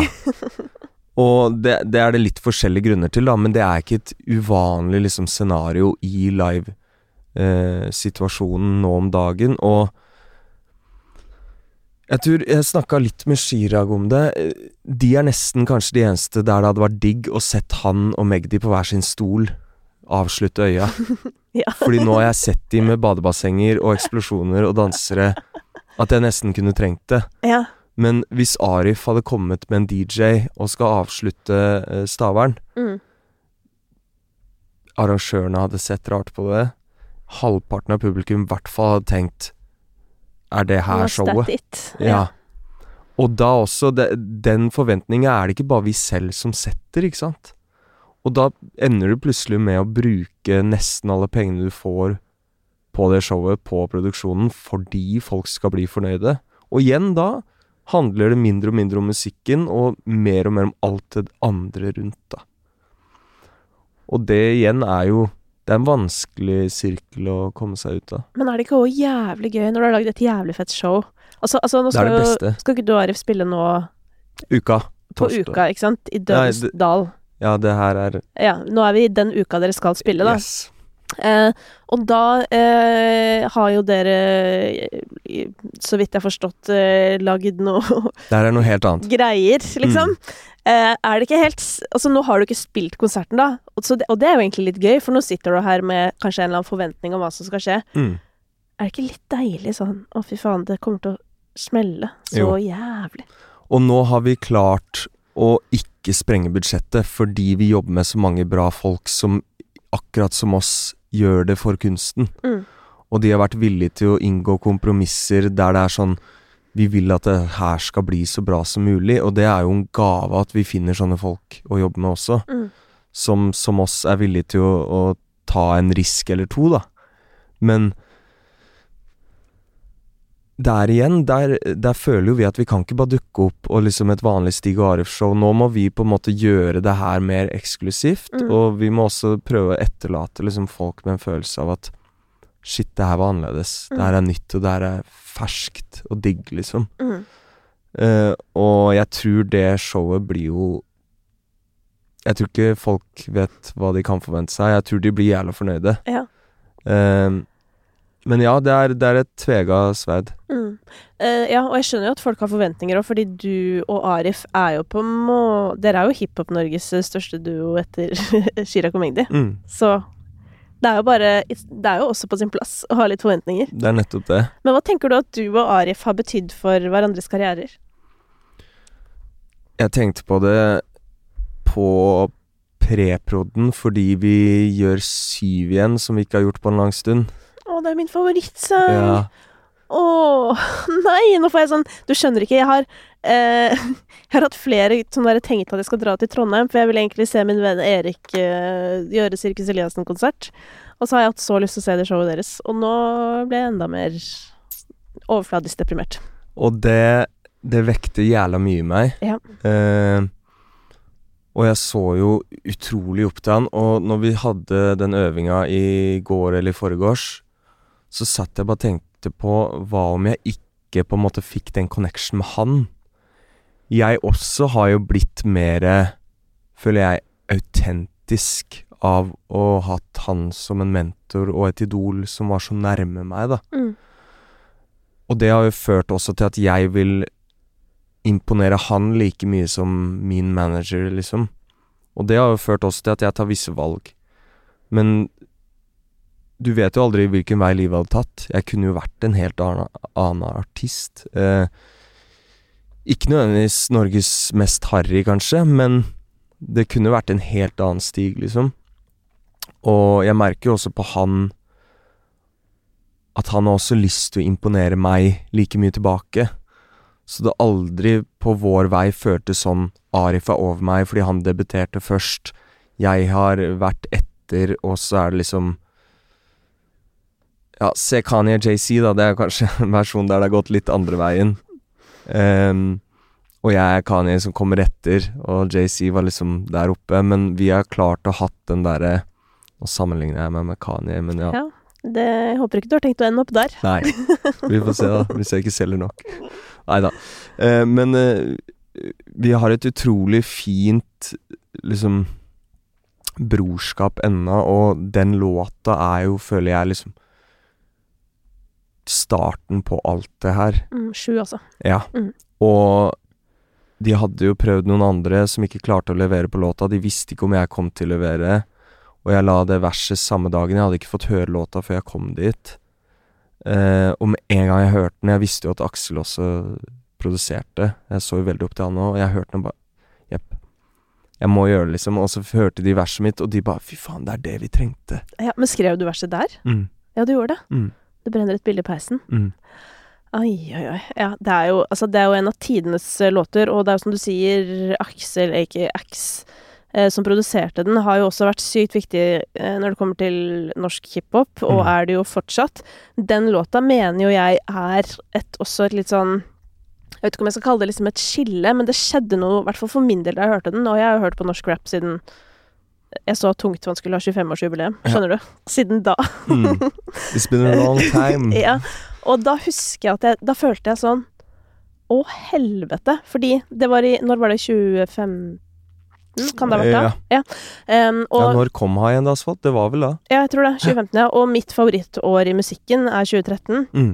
Fordi det var et år hvor det var veldig mye sånn eh, Ja, elektronisk musikk jeg liker, som bassmusikk. Og den musikken, den hør, høres litt ut som uh, beaten til Sju. Mm. Og så kom den, og så var det liksom norsk pop-rap-musikk med den fete instrumentalen, og jeg hadde seriøst gåsehud over hele hudoverflaten, liksom.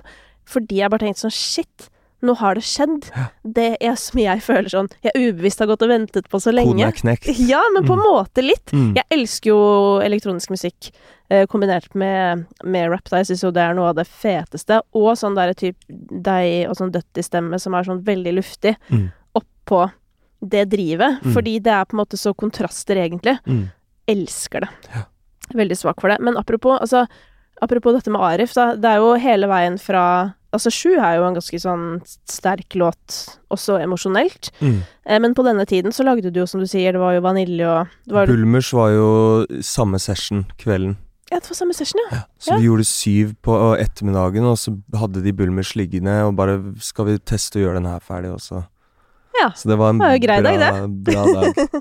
Shit, det er så vilt å tenke tilbake på sånne ting. Ja.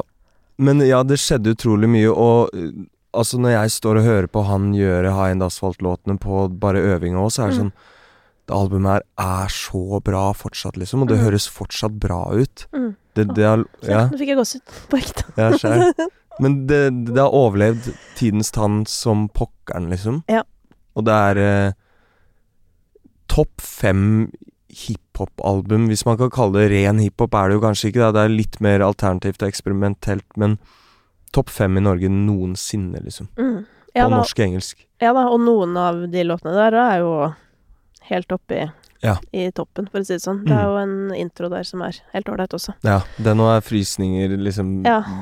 du, du får samme følelsen, føler jeg, som første gang du hører på den, nesten hver gang. Ja, men det skal sies at Fordi det jeg føler med Arif, da, er at eh, For å fremsnakke han når han ikke er her, er at eh, han Men det har jeg tenkt på sånn at ok, du vet sånn som ja, intro, da, for eksempel, eller de, liksom, de beste versene hans. Så noen ganger har jeg tenkt sånn Fader, hvorfor er du ikke sånn hele tida? Ja. Men så har jeg også skjønt sånn Ja, hvis, du, hvis all, alt hadde vært sånn, så er jo på, på en måte ingenting bra plutselig. effekten. Ja, det mister jo helt effekten. Mm. Men du vet, på Smoke også, fra den eh, forrige EP-en, Mm.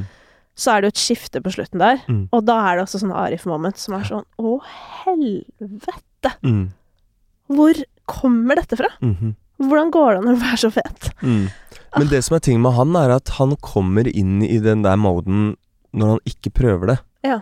Så når den herre Arif Superpowers kommer fram, så, så prøver han ikke å liksom Nå skal jeg gå tilbake til røttene. Nei. Det bare skjer ved et uhell, så legger han kanskje et vers han ikke tenker over, og så kommer han tilbake og så bare Du, i går skjedde det noe helt sykt, liksom. Mm.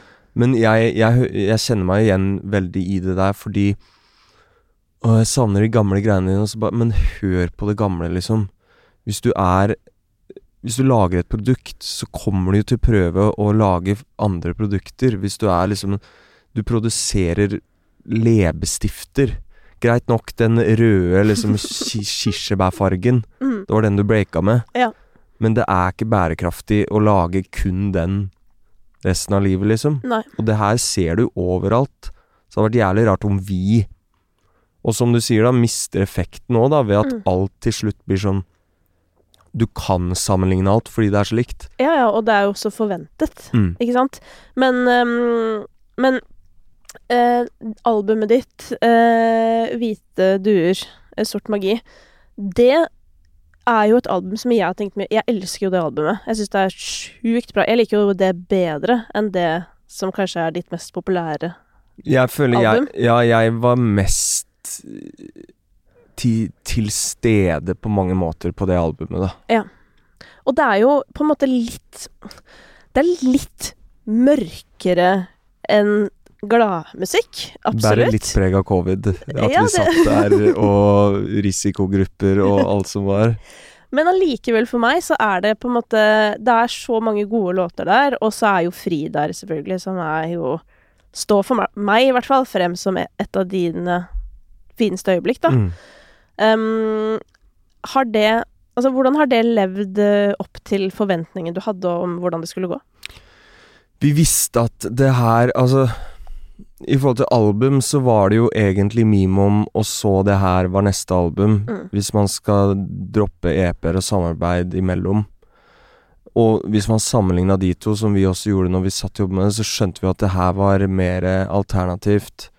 Det var mer eksperimentelt, og det var mer liksom Tøya grensene litt. Men det var jo det vi også ville, Mm. fordi man kunne høre i ettertid òg at noe av den lyden her forplanta seg litt videre i andre som kom med ting etterpå. Og det for meg er jo mer verdt enn at det streama like mye som Mimom. Men jeg tror Jeg skulle jo ønske det streama mer, ikke av noen annen grunn enn at bare alle burde hørt det, liksom. Mm. Fordi jeg er fortsatt så utrolig stolt av hele det produktet, og alle de som var med på det. Men eh, det har jo fortsatt ikke gjort dårlig. Ja, Det har bare gjort det Det er det som er skummelt med å sammenligne med gamle ting, da. Mm. Altså, det var en helt annen periode med Mimom, og Jeg sang om andre ting. Jeg var litt mer, kall det basic, da. Ja. Mens her turte jeg liksom gå enda mer i dybden. Enda mer liksom flere beat switches. Det var Det var litt mer eh, detaljert. Mm. Og det også er jo noe vi regna med kom til å koste oss litt streams. Mm, Men det som overrasker meg litt, er jo hvordan på en måte kids i dag De hører jo på Offset, og de hører liksom på Travis Scott, og sitter og hører gjennom hele det altfor lange albumet hans. No offence, altså sånn Han er fet, han, liksom. Men offset sitt Nei, altså Travis Scott, da, for Ja, eksempel. Forrige ja. skiva. Drake Og for så vidt Drake-albumet. 21 Ja. låter som er helt på det jevne. Et par eh, lyspunkter, selvfølgelig. Det Men- føles ut som en playlist, liksom, eller noe du har satt sammen litt selv, da. Ja, pluss at det er jo ikke Eller nå snakker jeg bare for egen del, altså. Men, øhm, men det er jo ikke mange av de låtene jeg får lyst til å høre på veldig mange flere Jeg lagra to ganger. stykker, tror jeg, av Drake-albumet hittil. Ja. Ikke sant? Og Ja. den ene Jeg likte veldig godt den med um, 21 Savage. ja. Uh, det var nummer tre, husker jeg. Og så er jo den J. Cole-låta også Mm. fet, liksom. Men Mm. det var på en måte det. Og så er det også noe med sånn 21 låter. Jeg har barn. Ja. Eller sånn. Eller jeg vet ikke sånn Sorry, men hvis du skal ha 21 låter, da skal det være faen meg bra, altså. Jeg vil ha jeg, jeg Heller ni låter der han har brukt all den tiden på de ni. Ja, og hvor han er skikkelig stolt av de. Sånn ekte sånn Ja. dette. Og det er jeg usikker på om han er av 21 låter uansett, liksom. det er vel jeg faktisk 23. ja, det er, Å ja. Ja. Ja, Men jeg har eh, presentert en teori om dette. Mhm. Om det kanskje skyldes at han veit at alle kommer til å sjekke ut skiva hans fordi han er Drake. Sånn at han gjør det lengst mulig, sånn at han får mest mulig penger. Jeg har en annen teori. Ok? Eh, jeg tror han jobber så mye nå at alt som ikke blir med på det forrige, er bra nok, blir med på det neste. Ja, sånn, ja. Og så tror jeg også han ser tiden vi er i, så jeg Mm. tror ikke han gidder å legge inn så mye mer tid, fordi det lønner seg ikke i lengden. Nei, men det gjør jo ikke det. Nei. Fordi da er det bedre å begynne på neste. Men nå trengte han jo plutselig fri, så du det? Ja, sant. Ja. Men det der føler jeg Han sa jo han skulle slutte når han var 35 eller 36 å rappe. Ja. Det har jo ikke skjedd heller. Nei, for det er jo det han har fått mest kritikk for for det albumet her. At Mm. han later som han er 22, liksom. Ja. Guri, Men- folk er strenge, altså. Jeg, jeg tenkte jo på det fordi La oss si Queen, da, Bohemian Rhapsody. Mm. Altså, den spilles fortsatt på utestedet over gata ved meg, liksom, ukentlig. Ja. Og la oss si dagens popstjerner, la oss si The Weeknd, da, som er det nærmeste vi kommer eh, George Michael og Queen og MJ og det der, kanskje. Det er ingen som kommer til å høre på Blinding Lights om 20 år. Det er, sanns- det er ikke like sannsynlig, nei. Ikke i den Ikke på den måten. Nei. Du kan ikke sette deg inn i en taxi i Sveits om 20 år, Nei, nei, og så spiller den. Og det også tror jeg er et resultat Vi spiller fortsatt Bohemian Rhapsody. Men det er jo en jævlig bra låt. Ja, ja, 100% Men den er jo også Det er jo helt sykt at ble, de ble jo fraråda å liksom ikke slippe det her. ja. Ingen kommer til å forstå det. Men det ble jo Karpe også. Ja. Med gjennombruddslåta si, holdt på å si. Så, Mm. Sånn er jo Jeg tror hvis man får den beskjeden, så må du gjøre det. Da må du gjøre det, faktisk. I hvert fall på starten av karrieren. Det var sånn do it. Faen, hadde ikke vi en sånn diskusjon når jeg skulle komme med Liane eller sånn i starten? Var det det? Var ikke du Var jeg med i den diskusjonen? Jeg tror labelet ville slippe en annen fokuslåt eller noe sånt, så Oi. mener jeg at du til og med sendte en mail bare Hva skjer? Det må være fokuslåt eller et eller annet. Ah, ja. ja, det kan hende. Det hendte jo at altså Jeg tror det var en annen enn Lianer, Ja. og så var du jævlig på Lianer eller et eller annet. Det er, Det var jo en banger. Ja. Altså, det er jo um, Altså, før så ga, var det jo litt sånn derre Det husker jeg Jeg husker det beste eksempelet på det er faktisk de der Seeb. De eh, Før så sendte jo folk inn musikk til radio, ikke sant? Og så var sånn her Hei, jeg har disse to låtene og veit liksom ikke helt. Og så kunne på en måte radiostasjonen kanskje si sånn da, vi har lyst til å spille denne låta, eller sånn Mm. der. Og Seeb sendte jo inn den derre um, eh, Took a Pill in Ibiza-remixen sin. Som jo er Altså Mm. streama helt umenneskelige mengder Ja. ganger, liksom. Og tenk deg det. Det var sånn låt du visste ikke om du skulle gi den ut engang. Så er, det er så mange tilfeldigheter i verden, da. Det er nettopp det, og der òg begynner man jo å tenke på de man aldri fullførte. Ikke sant? Og bare sånn, du, du vet ikke. Men jeg tror også Jeg tror det ligger noe fint i det det Drake og sånn greiene, at det er litt for mye overtenking også. Ja. Og nå kanskje ikke man skal liksom finpusse hver minste setning og ord og overgang, for det er sånn til slutt så har du sittet brukt et år på en låt, da, og så ikke får du recoopa det det kosta å lage den en gang, og så har du prøvd å gjøre den perfekt, men det har virka så sykt mot sin hensikt Ja, til Ja, slutt. hvem vil ha perfekt? Og det er jo det her som er det vanskelige, og det skjønner jeg er jævlig vanskelig med kunst. Det er jo at sånn, vi i publikum, vi vil liksom Vi vil ha kunst, Mm. men vi vil at det skal være veldig sånn selvfølgelig Eller du vet sånn Vi vil ikke at det skal virke tilgjort, så Nei, skal nei. ikke være for nøye, men samtidig casual, skal være bra liksom. nok. ja. Ja. Nei, jeg vet det, og det, det tror jeg jeg må bli flinkere på også, og det skal jeg prøve nå på Nå er det jo ferdig med EP, on Mm. to album, liksom. Det, det må bare gå videre, men jeg tror jeg skal Skal se litt på hva Unge Ferrari gjorde der vi ikke overtenkte, sånn som Ashanti, da. Jeg sier ikke at jeg skal lage Ashanti 2, men det var bare noe vi la. Mm. Og så var det litt sånn ja, Vi må nesten bare slippe den, Ja. ikke sant? Og så går den dritbra, og det blir et sånn moment, da. Men hvis vi hadde sittet med en låt et halvt år til, så hadde den sikkert blitt både noe helt annet, og antakeligvis litt kjedeligere. Mm. folk Og kanskje ikke dere har fått den samme gleden av å slippe det heller. Nei. Ikke sant? Fordi du tar helt andre følelser knytta til det da. Og jeg tror man merker den herre uh, Altså impulsive følelsen i en låt òg, når det faktisk ligger der, og må man ta bort alle pust, eller skjønner du, må Mm. man fjerne Du må ikke være perfekt, da. Og én tone her, så øh, Du går litt ned istedenfor øh, Ikke sant? Men altså, du har, du har svære låter nå om dagen som ikke er mastra engang. Mm. Vet faktisk noe av det jeg liker best med å høre på gammel musikk, sånn innimellom når jeg går tilbake, og hører på sånn 90-tallsting i hvert fall, er at eh, de ikke synger rent. Nei. Det er helt sinnssykt forfriskende. Det er så gøy.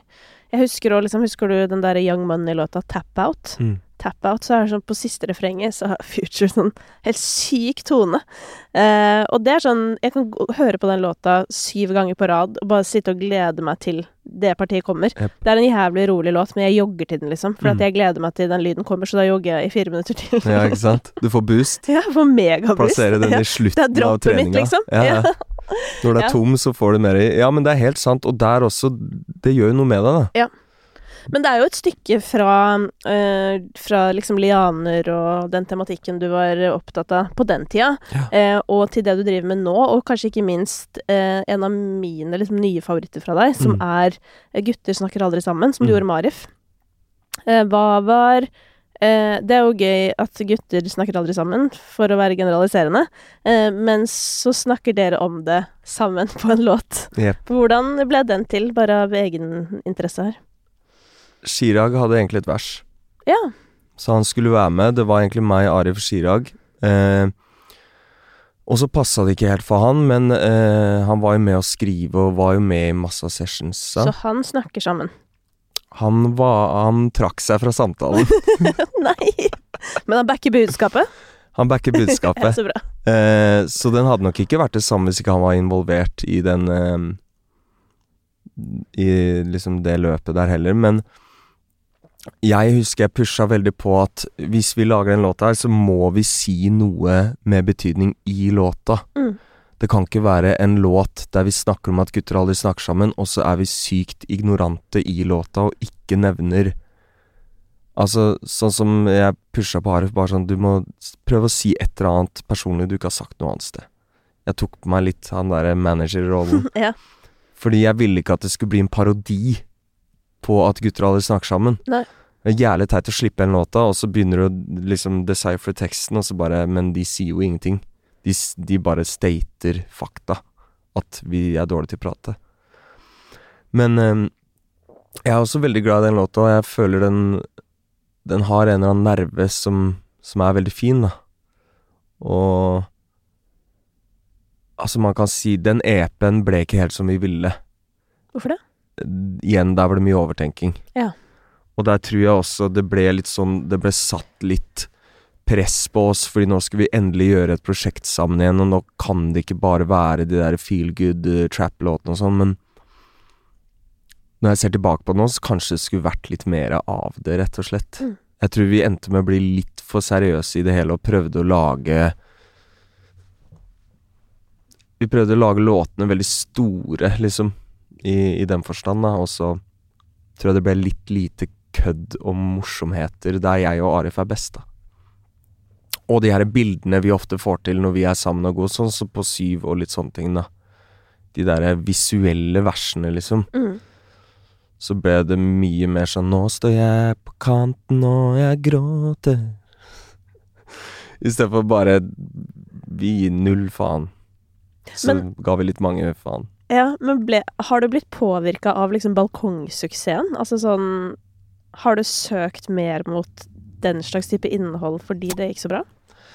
Nei, men jeg tror jeg Siden jeg har blitt flinkere til å synge, og jeg har forstått at jeg kan liksom klare å lage Misforstå meg rett når jeg sier en amerikansk låt, men da mener jeg standarden til det, da. Ja. Så glemmer jeg kanskje litt det nordiske og det norske i det. Fordi hvis de vil ha en amerikansk låt, så går de og hører på Kelani eller Offset eller uh, Travis, liksom. Så jeg tror det er også til albumet mitt nå, da må jeg prøve å huske på litt Bare den derre quirkinessen må man prøve å beholde litt. Og der er jo jeg best i forhold til mitt eget verk òg, da. På å Mm. bare være litt Litt left og litt rar og litt annerledes, liksom. Mm. Og ikke bare lage de der perfekte toplinesa, preet leder perfekt opp til hooket, og det skal slutte på den tonen fordi neste tone er der Altså, det blir et regnestykke til slutt. Ja. Og så blir det ikke gøy. Det blir Du analyserer og går hjem fra studio, så er det sånn Jeg tror den er ti sekunder for lang der, så vi må kutte av Bare sånn Det er ikke det som kommer til å avgjøre om Nei. folk liker denne låta. Altså, det føles og det, det skal gli lett, da, fra start til slutt. Ja. Det, det er der man må prøve å legge litt mer vekt, for min del. Mm. Ja, men jeg tror veldig på det der med litt sånn Uh, intuitiv eh, måte å skrive på, da. Mm. Fordi vi oppfatter jo også musikk intuitivt, liksom. Så Mm. hvis du har drevet og masse om og men og Selv om dette er jo rart å si, for jeg vet at Karpe er litt sånn, uh, så det kan jo fungere innimellom. Men da Mm. tror jeg du må ha Da må du på en måte ha helt sykt god tid, da. Ja. Uh, og kanskje bare ha Fordi noen er jo også veldig sånn analytiske, og kan gå analytisk til verks uten at det ødelegger for innholdet, liksom. Men det er som du sier, det er jo noe med Det er veldig mange av de låtene som er de mest De største og beste låtene, er jo sånn Ja, nei, den skrev vi på 20 minutter. Så er Ja, det ja. sånn, ja. Er det ikke Diamonds, Sia? Eh, Du skrev den i bilen, tror jeg. Ja, ok. Ja, ikke sant. 20 minutter eller noe sånt. Ja, men jeg føler nesten hver gang jeg snakker med norske artister òg Det er sånn, ok, hva er din største hit, og hvordan ble den til? Så bare Nei, den skrev. Bare skrev refrenget. Nå skal det sies at Balkong brukte jeg et halvt år på. Ja, du gjorde det. Ja. Men hva var det som tok tid? Var det melodien eller teksten, eller? Eh, det var det å få det til å gi mening, og så var det det at det var et utrolig ømt tema. Mm. Eh, jeg ville ikke tråkke på noen tær, og jeg ville absolutt ikke komme fram som noen som prøver å eh, tjene penger på forferdelighet, liksom. Jeg ville ikke prøve å få en låt på topplistene og melke noe så sårt, da. Så jeg, jeg var hele tiden på at det må være Det må være meg, og det må føles autentisk, men det må også ikke være så hardt at du ikke orker å sette den på. For jeg vet at mange som liker nå, de har ikke noe forhold til selvmordstanker. Og der føler jeg jo vi klarte det litt umulige, da. Mm. At det både er en fin låt som du ikke må bli trist av. Mm. Du kan sette den på og vaske stua, men det er også liksom utallige folk som har spilt den i begravelser. Og ja, det var det som var viktig for meg, at det bare Der følte jeg også Aksel gjorde en god jobb, da, fordi produksjonen er litt Litt ekstra på en bra måte. Det er noe sånn skriking og roping her og der, det er en del distortion. Vi kunne safa og tatt liksom svært piano, og det var eneste produksjon gjennom hele låta, men vi ville prøve å holde litt den herre Ja, igjen, at det bare ikke er så blodseriøst som det egentlig er, da. Mm.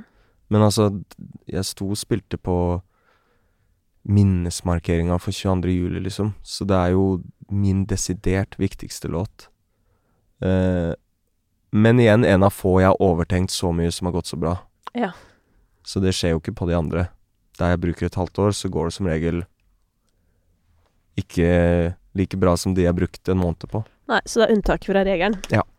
Men ehm, uh, før vi gir oss, så må vi innom uh, noen andre samarbeidspartnere du har hatt i det siste også. Mm -hmm. uh, fordi det er jo litt ironisk på en måte at vi starter samtalen med at det ikke holder å være seg sjæl og alle disse tinga her.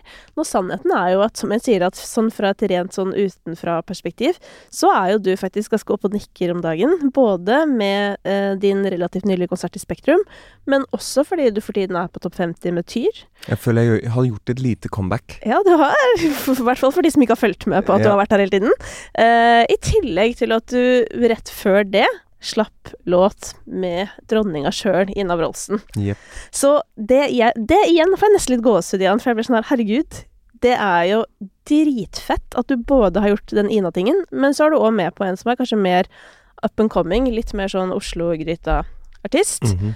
på en eh, sang som er sang som har engasjert meg mest på svært lenge. Jeg hørte Ja, jeg har jo også en liten konstruktiv kritikk på den, men ja, jeg eh, hørte det. ja, Og det fikk meg til å tenke. ja, det gjorde det. Og det var en na-na-na på slutten av refrenget, men som jeg også var veldig tydelig på, så er det sånn Jeg, jeg kan faktisk ikke Eller jeg kan sikkert huske sist hvis jeg tar og så konsentrerer meg litt, for det er mye som skjer om dagen, men jeg, jeg blei altså så glad da jeg hørte den låta. Jeg syns det var noe skikkelig spesielt med den. Mm. Eh, og så skjønte jeg Var det sånn at den At det var litt tilfeldig at den ble til? Jeg, eh, jeg hadde jo snakka med Tyr og møtt han her og der, og alltid hatt sansen for han, og liksom eh, tingene han hadde sluppet liksom året før, og det året var Jeg føler jeg har, har et godt øre for hvem som er kommet for å bli, da, og han følte jeg det, liksom. Og så husker jeg ikke hvorfor han var der, men han var antageligvis ferdig med session, og jeg var med Morten uh, Gillebom og Gilla, og vi satt bare loka litt. Hadde, har noen sessions her og der der vi bare lager noen ting. Og så møtte jeg han tror jeg på kjøkkenet oppe på Olyp, der jeg har studio, og så sier jeg ja, du må bare komme innom etterpå, da. Bare ja, ja. Og så tror jeg kanskje Morten bare dro opp en gitarloop, eller om det var den vi satt med, og så bare begynte vi å kaste liksom setninger fram og tilbake. Og så ble vi sittende hele kvelden, og det eneste vi egentlig endra, var Jeg tror jeg endra liksom tre setninger, typ. Og vi la noen nye recordings av vokalene, da. Men det store og det hele skjedde så å si den kvelden. Kom innom etterpå. Mm. Ja. og det, det er jo det vakreste. ja. Og der igjen, ofte de største låtene har jo skjedd ved uhell. Ja. Det er det siste innspurten før du egentlig er ferdig, bare Ok, vi tar tre kvarter da før vi gir oss Mm. på en eller annen siste idé. For jeg tror også ofte når du ikke er klar for det Hvis jeg hadde avtalt med han i to uker i forveien, og begynt å liksom i, i bakhodet i, opparbeide liksom den her situasjonen som eh, noe jeg måtte levere i, eller bla, bla, bla, Mm.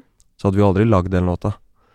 Men eh, jeg tror begge vi bare hadde sett fram til å jobbe med hverandre, og at Mm. vi ikke drev og planla det så lenge i forveien, og gjorde at vi kom på noe sånn.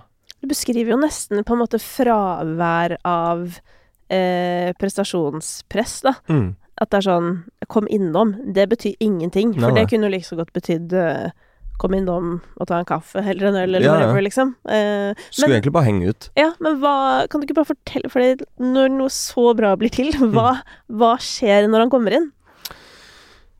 Jeg tror eh, vi bare prater litt, og så er jeg alltid veldig åpen. Jeg pusher nesten folk som kommer innom studio, selv om de ikke driver med låter. Så er det sånn, hvis du er her, så må du gjøre et eller annet. Ja.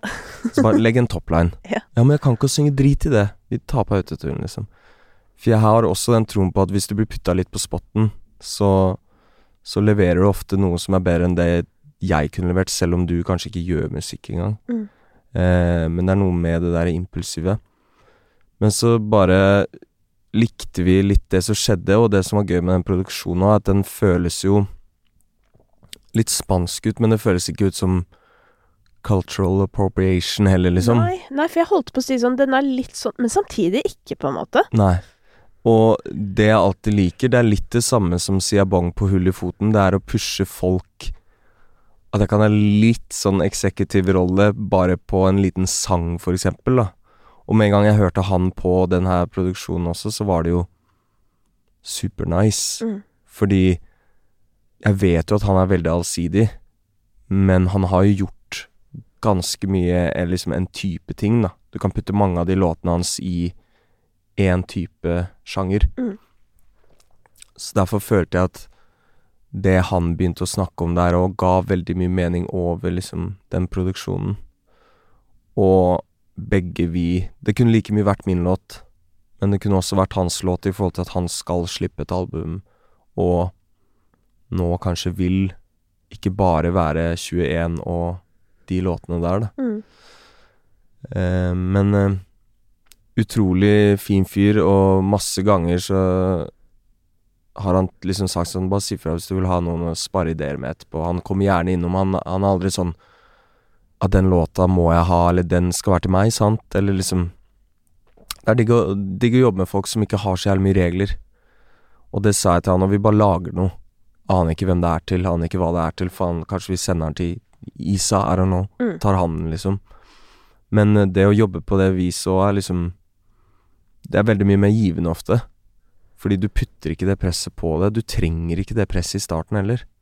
Det tror jeg jævlig mange artister putter på seg selv uten å få noe ut av, liksom. Mm, det er jo helt sykt. Tenk på folk som går og eh, presser seg selv inn i en rolle, eller sånn 'jeg skal være sånn og sånn og sånn', så er det sånn Ja, men du aner jo ikke hvem du er.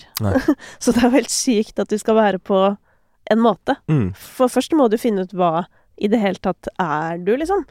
Men jeg har produsentvenner som har holdt på lenger enn meg, som fortsatt er usikre i første session med en person. Ja. Og det er sånn Men du, du har gjort det før. Mm.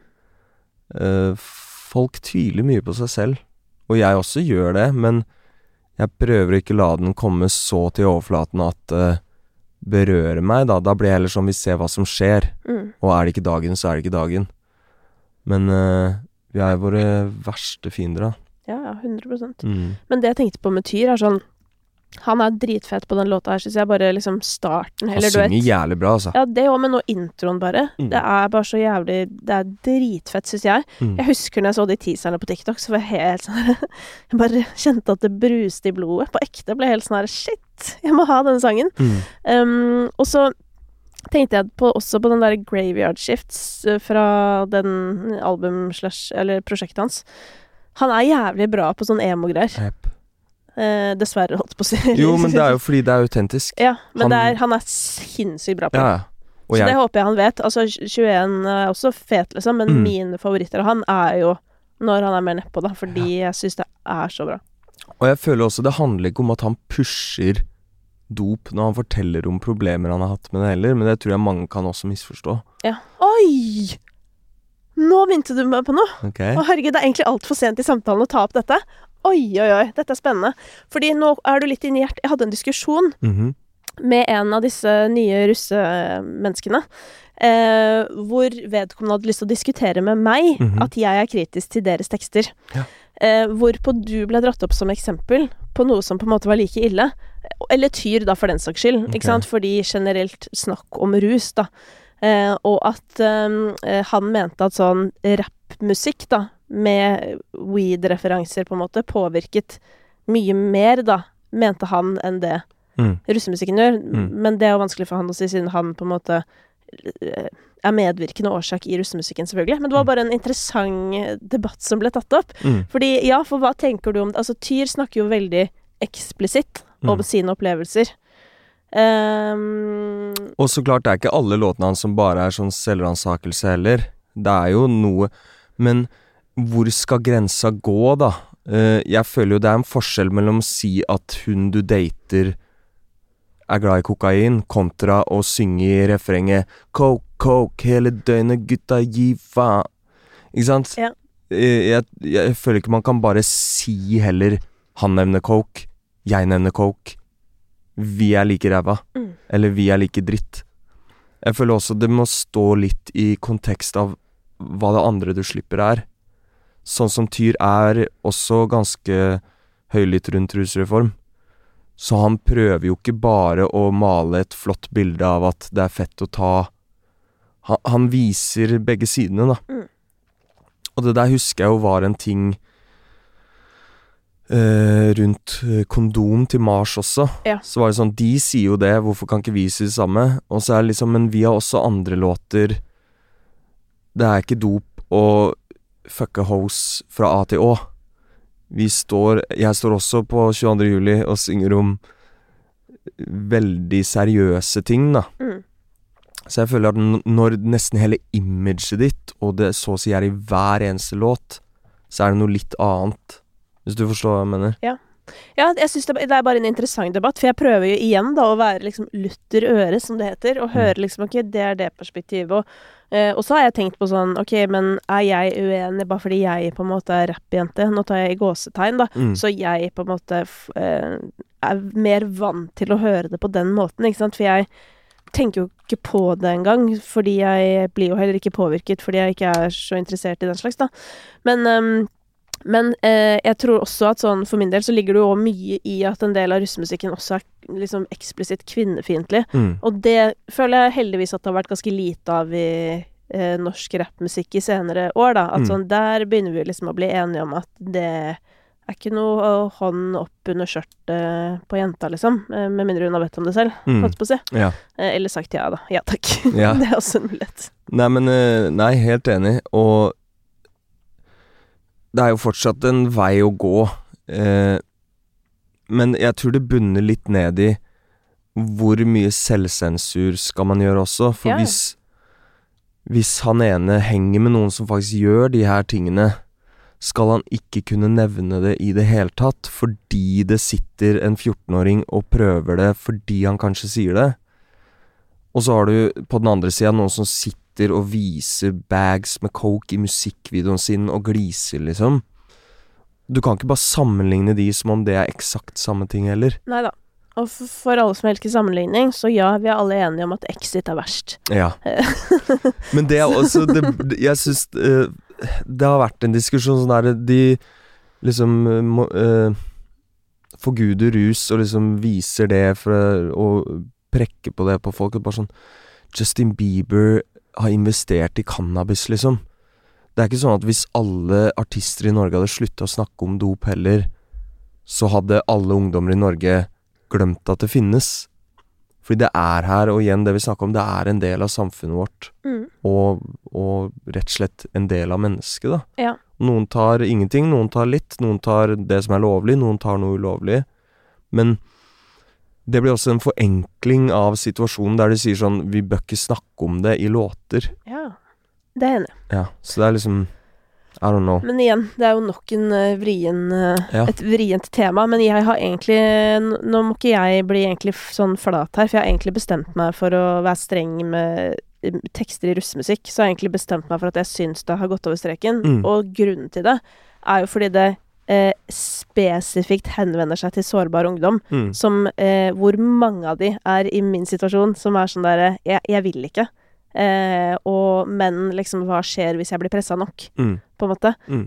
Nå kunne det jo aldri skjedd meg noe, men jeg vet jo ikke hva som hadde skjedd hvis jeg hadde blitt pressa da jeg var 17 år Nei, nei. på russebuss, liksom. Kunne vært en helt annen som sitter her Da hadde ikke sittet her, kanskje? Vet du hva? Ikke at du hadde vært jeg, død, jeg altså. ser det ikke skje. Jeg ser ikke for meg at jeg hadde vært en veldig annen, men det kan hende. Mm. Eh, men, men det der, du vet, fordi man må på en måte være med på sånne konkurranser for å i det hele tatt få være med på bussen, Mm. og da skal man ikke være den kjipe som liker å sitte hjemme sånn som deg, for å si det sånn, for Mm. da får du ikke bli med på bussen. Mm. Og når da musikken henvender seg spesifikt til disse menneskene, som er under så mye press for å være i gåstegn fet Mm. og vill, liksom, da har det en annen betydning enn som musikk man sitter og bare hører på der hjemme. Mm. Og da eh, blir det et nei fra meg. Ja. Så det skal jeg stå i. Mm.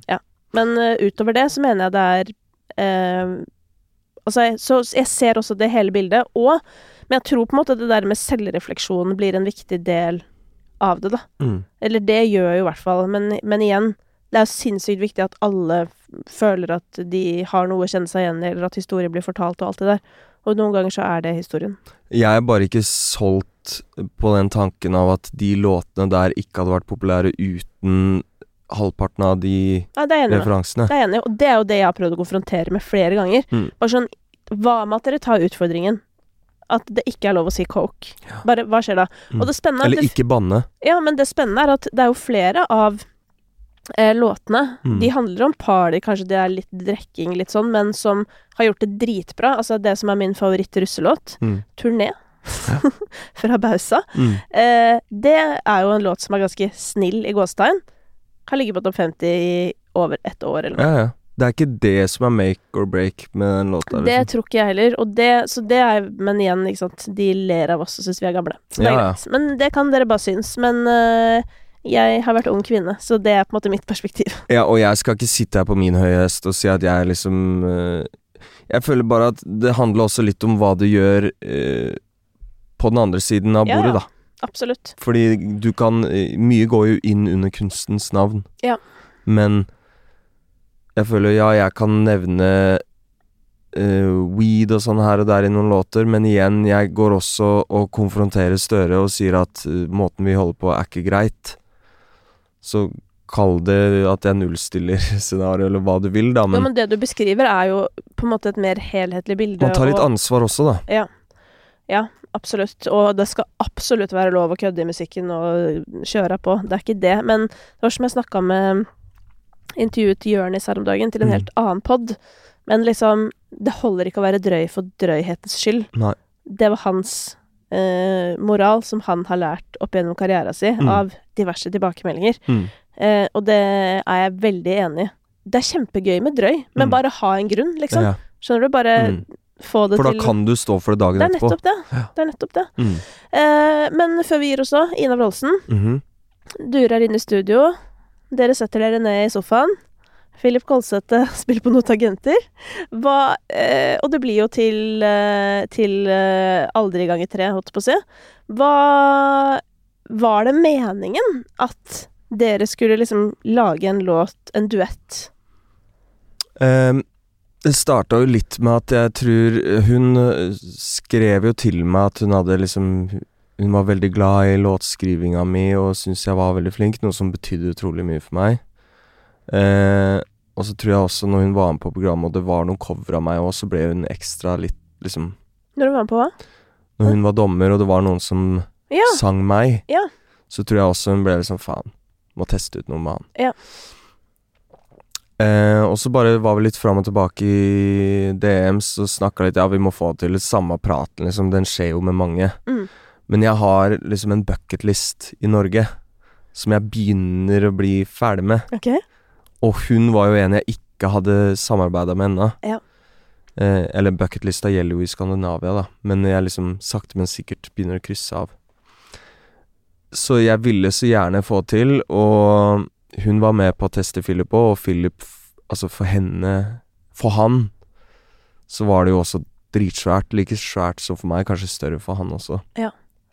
Men eh, vi kom dit, og så snakka vi litt, og det som er fint med hun nå, er at med en gang så slapp vi garden ned. Det var ikke sånn 'nå kommer dronninga inn', og vi måtte passe oss, og liksom Nei, for det tror kanskje folk, men Ja. hun, hun er ikke en sånn type. Nei, nei. Og det er sånn derre Sorry igjen, ass, til eh, Vi var så vidt inne på kjønnsproblematikken i stad, men det er sånn Bare fordi hun eh, vet å være tidvis tydelig, så får folk en oppfatning av at hun er som type away. Hun er jo en av de beste til å være med på sånne ting. Ja, hun er, og hun er dritsnill og ekte sånn kjærlig, liksom. Og det folk òg må bare skjønne, er at å i det hele tatt bry seg, eller ta noe på alvor, eller gi en tilbakemelding, eller whatever, det er kjærlighet. Mm. Sånn, Hvis ikke så hadde man ikke giddet, og hun hadde ikke giddet å vært med på The Voice. Hvis ikke det Ah, var for at hun var genuint interessert, Hun liksom. brenner for det, liksom. Eh, og det, men det merka jo når jeg kom inn, at vi kunne kødde om alt mulig. Det var som om jeg og Philip satt der alene, på en måte. Eh, og det gjorde at vi liksom slapp av med en gang. Og så begynte vi litt på den, eh, den låta, og da var det sånn Vi måtte jo nullstille hverandre litt, fordi jeg igjen overtenker, og noe av det Nei, det er litt for cheesy, og hun ba Cheesy er bra, gi faen, Stig. Og der kommer litt den Ina fram, men det trengte jeg jo. Ja, men det er det jeg mener. Det er Ja. ikke noe gærent med det. Det er bare Nei, bra, nei. det. Og du blir kjedelig hvis du ikke blir pusha. Du kan ikke liksom bli pusha fram til du er 20, og så slutte å pushe deg selv, eller at noen andre gjør det. Så det setter jeg alltid pris på, og jeg føler hun kom fram både som den låtskriveren og artisten hun er i det, og så følte jeg også jeg kunne Jeg var ikke bare med på lasset, og hun var heller ikke sånn 'Det her blir låta mi, du skal gjøre det og det', liksom. Det, igjen, sånn som med den månelåta, så følte jeg det kunne gått til meg òg, liksom. Eh, men det var Det var vel to sessions til sammen, tror jeg. Som veldig mye ble lagt den første. Andre var det egentlig bare å ren Få det lagt ned rent, liksom. Litt vekk fra idéstadiet.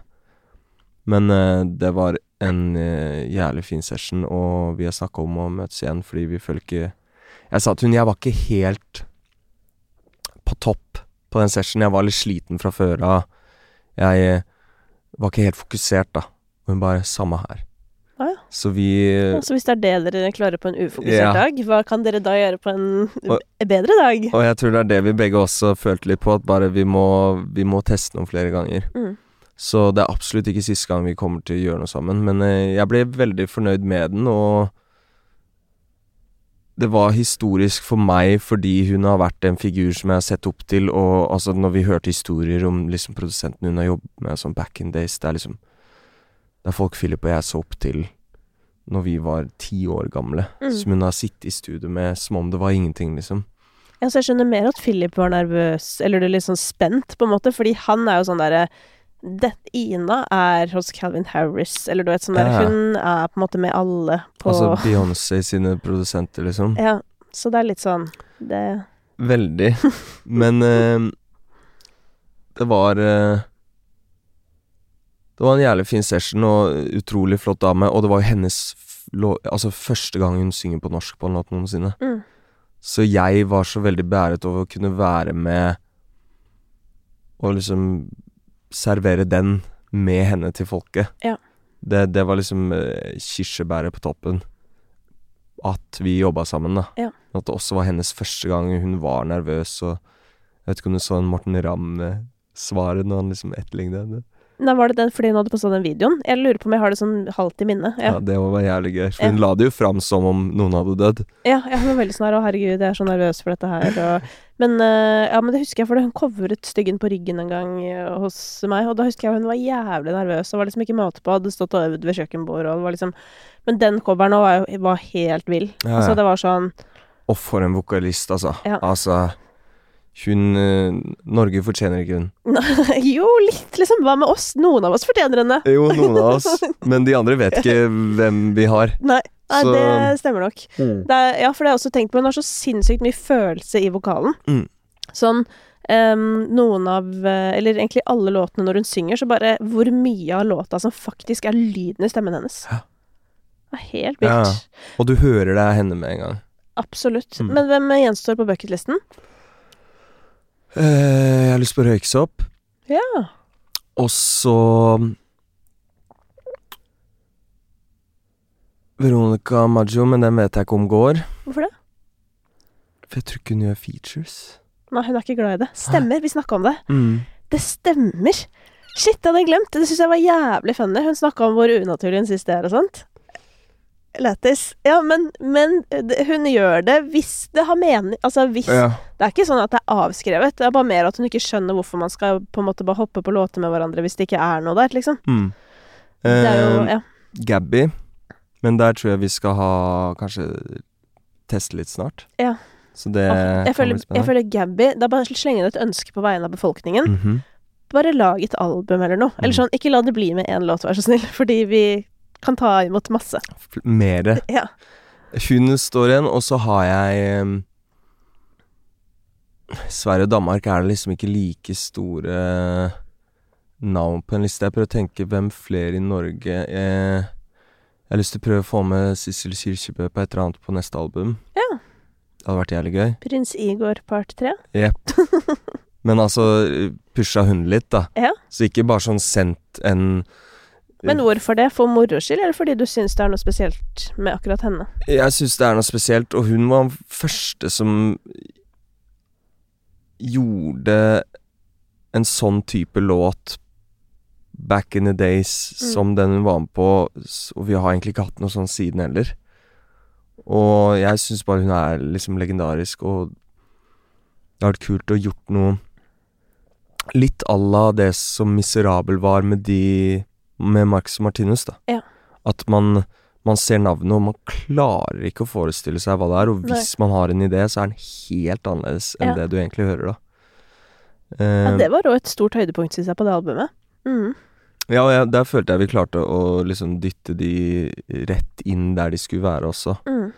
Fordi jeg, jeg er alltid veldig viktig på det. Jeg, jeg er mer hands on enn mange andre artister også. Jeg har jo ofte veldig klare visjoner. Jeg har jo hørt på den eh, Big Five med deg, Ja. og det syns jeg var veldig gøy, for den er litt overraskende. Ja. Um, eller egentlig ikke, men vet du hvorfor den var overraskende? Mm -mm. For jeg har hørt så mange, mange Big Five-episoder nå, og folk eier jo ikke ambisjoner, føler jeg, og har null planmessighet, og jeg sitter og tenker sånn hvordan, hvordan i helvete er det folk kommer seg noe sted her Ja. i livet? Du har ingen ambisjoner, og du er en lat motherfucker. Mm. Du bare ender opp stedet. Ja, men liksom. skjønn, da blir jeg litt sånn Hva med oss som bare sitter og ja, ja. jobber som et helvete, liksom? Bare Jeg kunne sånn- hatt en til av meg, så kunne han gjort halvparten av det, for jeg rekker ikke Ja, for det, det var jo det som er Du er jo ambisiøs. Du Mm. er på en måte det mange av de andre ikke er. Og det Mm. vil kanskje overraske noen fordi du er i liksom hiphop-verdenen, og der tenker folk at alle er helt ute på Ja, ja. jordet, liksom.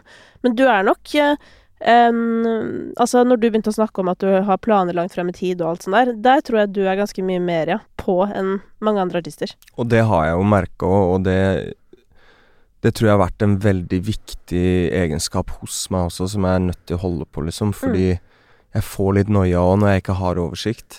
Og det prøver jeg også å si til produsenter jeg jobber med, bare jeg er som regel ikke som han eller hun du kanskje jobba med i går. Fordi jeg har en mye klarere visjon, og jeg har liksom Jeg ser for meg ofte målet, og noen ganger gjør jeg så klart ikke det. Da trenger jeg den der pushinga eller kaste ballen, men veldig ofte så er jeg ikke en som bare setter seg ned og bare sånn Ja, hva skal vi lage i dag, da? Jeg har heller for mange ideer. Mm. Så må vi velge én, og så blir jeg rastløs fordi jeg vil prøve tre av de andre ideene også, liksom. På godt og vondt. Ja. Kan jo være litt uh, slitsomt til tider, men uh, det er nok litt av den ADHD-en min også. Så jeg bare Jeg, jeg blir så Ja, jeg må ha mer. Ja, men det er vi glad for, vi som sitter og hører på. Om det blir med Sissel Kyrkjebø eller uh, Gabby eller hvem det måtte være, vi tar imot. Er det noe du har tenkt, som du har tenkt Ja, faen han skulle jobba? ja, egentlig. Altså, um, en ting Jeg må si at det jeg kanskje savner mest med uh, min gamle jobb, da, men som egentlig Det er bare min skyld at ikke jeg gjør det nå. Jeg kunne helt sikkert funnet en eller annen måte å gjøre det på. Mm. Men det er jo å eh, Hvis jeg bruker da Attitude Problem-remixen som det liksom eh, ultimate eksempelet, da, på å få til den slags Mm. samarbeid på tvers. Eh, det kan være mindre ting, bare at et par artister gjør noe overraskende sammen, eller Eller på en måte noe sånn større prosjekt. Det prosjektet var jo litt semipolitisk, ikke sant, fra min side i hvert fall. Mm. Eh, og det var et dritfett prosjekt òg, fordi alle var så jævlig med på det. Og Mm. det føler jeg at det er vanskeligere å få til i dag, fordi alle har så innmari nok med sitt, og Du tenker en type, en svær låt med mange på, eller Ja, noe som har et større bare- budskap? bare begge deler, men uh, overordnet, da. Det der å kunne uh, sette sammen forskjellige artister og få til fete ting. Jeg har jo sendt melding til min produsent om akkurat det her. Ja, At det jeg har lyst til å lage en R&B-cypher med norske hadde vært fantastisk. Altså du vet jo Altså meg, Natti, William, eh, Makosir, Isa, men Hjorte Ja, men gjør det. Men Mm. jeg fikk en idé faktisk i dag, da, som jeg skrev inn. Jeg driter Jeg er ikke noe sånn Jeg er ikke noe opptatt av å ruge på ideer. Noen ganger er det fint å si de høyt, Ja. så kanskje det faktisk blir det. Ja, blir gjennomført, liksom. Ja. Men jeg tenkte på sånn Det er for sent nå, da, men kanskje til neste år. Hva med at jeg snakker med Operaen eller Konserthuset eller whatever, Mm. og setter opp en sånn spesiell, helt special julekonsert, da, type, eller Mm. et eller annet sånn, eh, og få med folk på det, for jeg tror på en måte sånn Når man jobber i NRK eller har en eller annen kjempestor plattform, så er det liksom lettere å gjøre det, fordi det er ikke så sårbart, fordi her tjener alle noe sånn. Mm. Men så blir jeg litt sånn Hvor ble det av å gjøre ting for eh, det fine sin skyld, eller Mm. Og jeg snakka med, apropos med Thomas Dybdahl, om dette, eller det var egentlig han som snakka om det. Fordi jeg driver og lager en pod for Schibsted, eh, som handler om sånn livsråd og sånn, som er veldig gøy å lage. Og han fortalte at liksom, eller en av tingene han har lært, er på en måte sånn der å Nå husker jeg ikke eksakt hans ord, men at det liksom ikke er så farlig, Mm. og- og at man burde på en måte si mer ja, typ. Og forteller da en historie hvor han ble spurt om å være med på noen Karpe-greier, hvor de ikke engang hadde svart, liksom. Og det var sikkert mange grunner til det. Mm. Så går det litt tid, så plutselig står han i heisen med Chirag og Magdi. Mm. Ingen sier noe. og det siste som skjedde, var at Thomas Dybdahl ikke svarte på mailen deres, på en måte. Ikke sant? Mm. Så bare sånn Og han var liksom Hvorfor det? Ja. Og, og det er litt der jeg er òg, at sånn hvorfor eh, Hvorfor skal alt på en måte handle om strategi og inntjening og sånn? Kan noe også bare være gøy og på en måte litt viktig? Fordi ok, Attitude Problem-remixen var jo på en måte litt viktig i et kjønnsperspektiv på et eller annet nivå, mens ehm, mens at Astrid eksempel covret Cezinando, som ble fantastisk. Jeg vet ikke hvor viktig det var politisk, politisk, men Mm. det var jo et sinnssykt musikkøyeblikk Mm. som på en måte ikke hadde skjedd hvis ikke noen hadde sagt eller satt opp den rammen, da. Mm. Uh, så ja, faktisk en ting jeg tenkte på. Det, det er rart at du spør sånn, har du sett for deg noe? Dette her er også på en måte litt rart, fordi uh, Simon, uh, som du kjenner, og som er min mann, han og Eirik Tilleli, de har tydeligvis startet et sånt lite plateselskap å si. Som eh, jeg ikke følger sånn veldig mye med på, men eh, innimellom. Jeg vet at de jobber med et band som heter Regnvær. Mm. Eh, og derfor så har jeg aldri snakka egentlig noe særlig om regnvær etter det skjedde, fordi jeg er jo syk i hodet mitt når det kommer til habilitet. Mhm. I motsetning til politikere. Yep. Men eh, siden dette nå er allment kjent, så kan jeg bare si at da jeg hørte den nye låta deres, en låt som heter For mye, da Mm. posta jeg også på Instagram. Jeg pleier ikke å skrive noe om disse fordi Selv om jeg er jo kronisk fan av band fra Nord-Norge. Um, men, jeg, men nå må jeg dele den, fordi det er en helt sykt fin låt. Mm. Den er så fin. Og den, den Da tenkte jeg på deg. Ja. Da tenkte jeg på sånn helvete, og der skulle Stig kommet inn. Ja, sant. Inn fra sida. liten sånn passa du-du-du. perfekt. Og sånn elsker jeg også, da, og på en måte at store artister kan være med å sette en spotlight på mindre kjente folk. Mm. Men hvis vi skal gå litt opp i kjendisgradene, så er det jo liten tvil om at det er litt av duett mellom deg og Justad-gutten. Det hadde jo folk elska. Og det har vi snakka om. Det, For det bare kan jeg bare si fra et kommersielt perspektiv. Det hadde folk likt. Det hadde funka som faen, tror jeg, og, det er faktisk eh, Ja. Han har jeg Det har jeg tenkt på lenge. Ja. Det er også Det er som du sier, der tror jeg det har vært så jævlig mye i begge våre liv. Mm. Så det er bare sånn Men du vet det hadde blitt et bra øyeblikk, liksom. Men har du hørt når ehm, eh, Eller når eller da, alt ettersom, fordi denne er jo gitt ut, denne låta, så derfor så kan jeg faktisk si når. Mm. eh, han synger med Peder en sang som heter Befri meg. Ja. Altså, det er det er så fint. Mm. Og det var faktisk da jeg begynte å tenke på deg og han. Mm. Så det var jo da cirka ved Spektrum, da. Hans Spektrum i fjor. Mm. Ja. Jeg tenker veldig mye på de tinga her. Sånn sjokkerende mye. Ja. Jeg går jo fortsatt og bærer på Men nå så jeg at noen andre har arrangert fri. Ja. Låta di for kor. Mm. Det har jo også egentlig Jeg jo, har jo hatt det som hobby litt. ja. Å skrive korarrangementer. Mhm. Så det har egentlig Fri var jo det som sparka at jeg fikk lyst til å begynne med det igjen. Ja, nice. Ja. Men uh, nå får jeg høre først da om det er gjennomført på en god måte.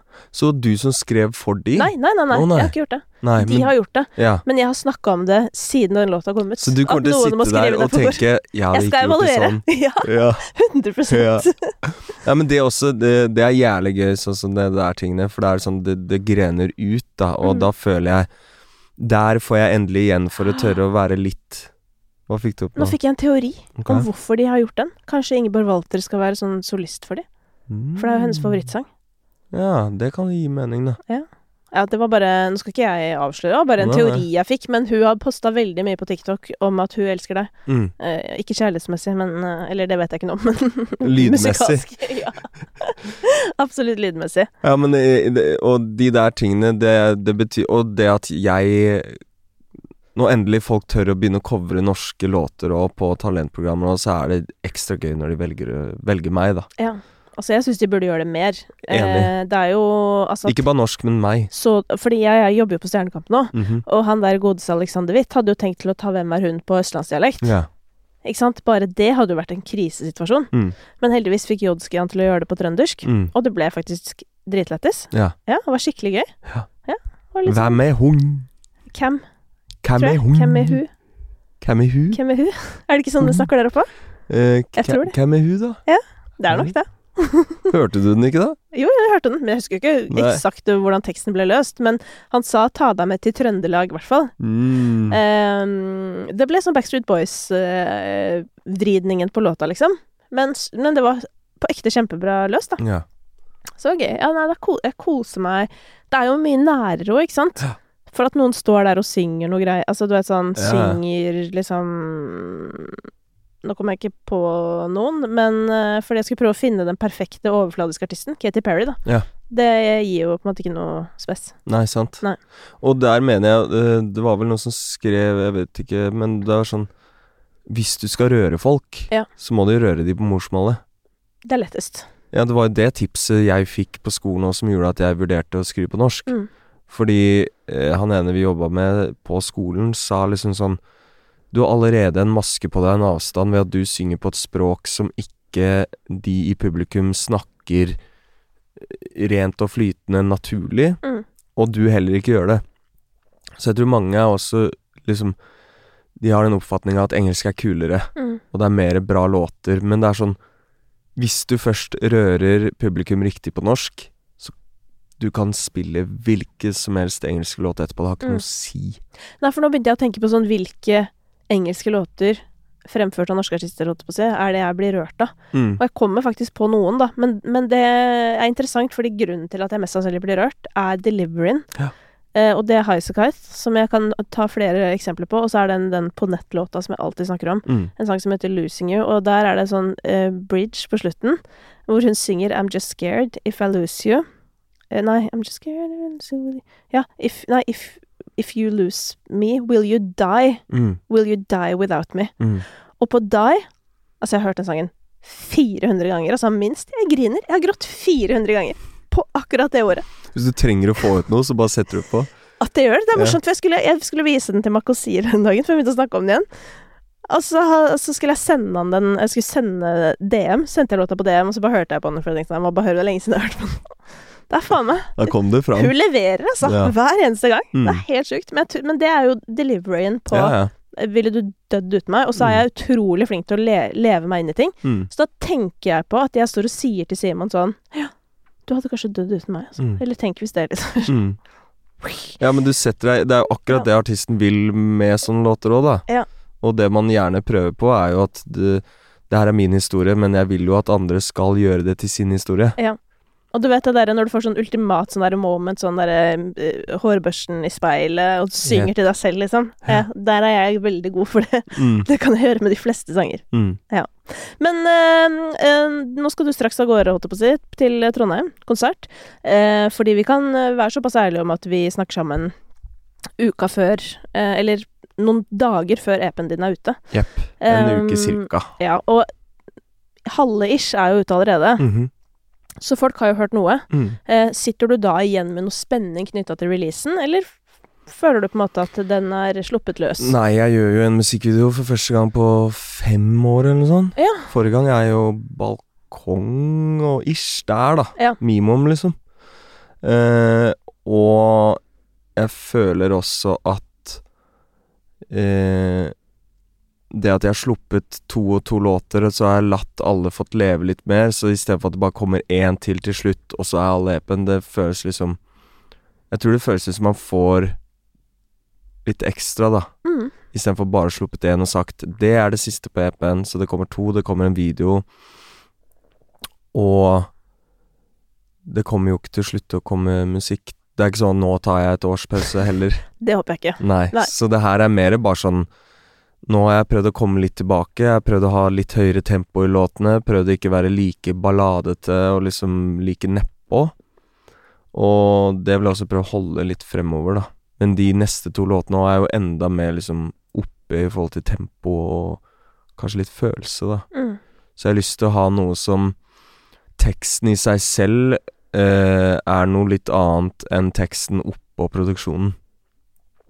Fordi jeg har også en tendens til å bli litt for sentimental og melankolisk. Eh, men holde på noe av det, da. Og fortsatt kanskje ha noe der 80% hører jo ikke på hva man synger engang. Og da er det kjipt om den produksjonen bare er fin og svevende og rørende over hele linja.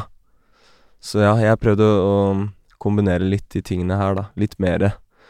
For jeg merka også at etter hver gang vi møtes, så var det sånn De som ikke visste at jeg er Unge Ferrari, de var redd for at jeg bare hadde rolige låter. Så jeg ble booka til et event og bare Jeg håper det ikke bare blir rolige låter og gråting. Vi bare nei, nei, tro meg, vi kommer med hits, liksom. Ja. Det blir dansing. Men jeg tror jeg bare må minne folk litt på det igjen, da. Ja. At uh, jeg kan ta meg en uh, sving òg. Men det er jo som du sier, det holder jo ikke å bare være seg sjøl lenger, holdt jeg på å si. Men jeg tenker sånn, vet du hva?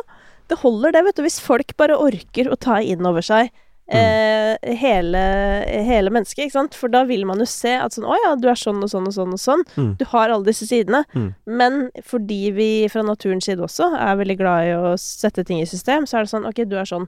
Så de som ikke vet om Åge Ferrari, han er sånn. Han er han grinefyren. Hvem er din favoritt?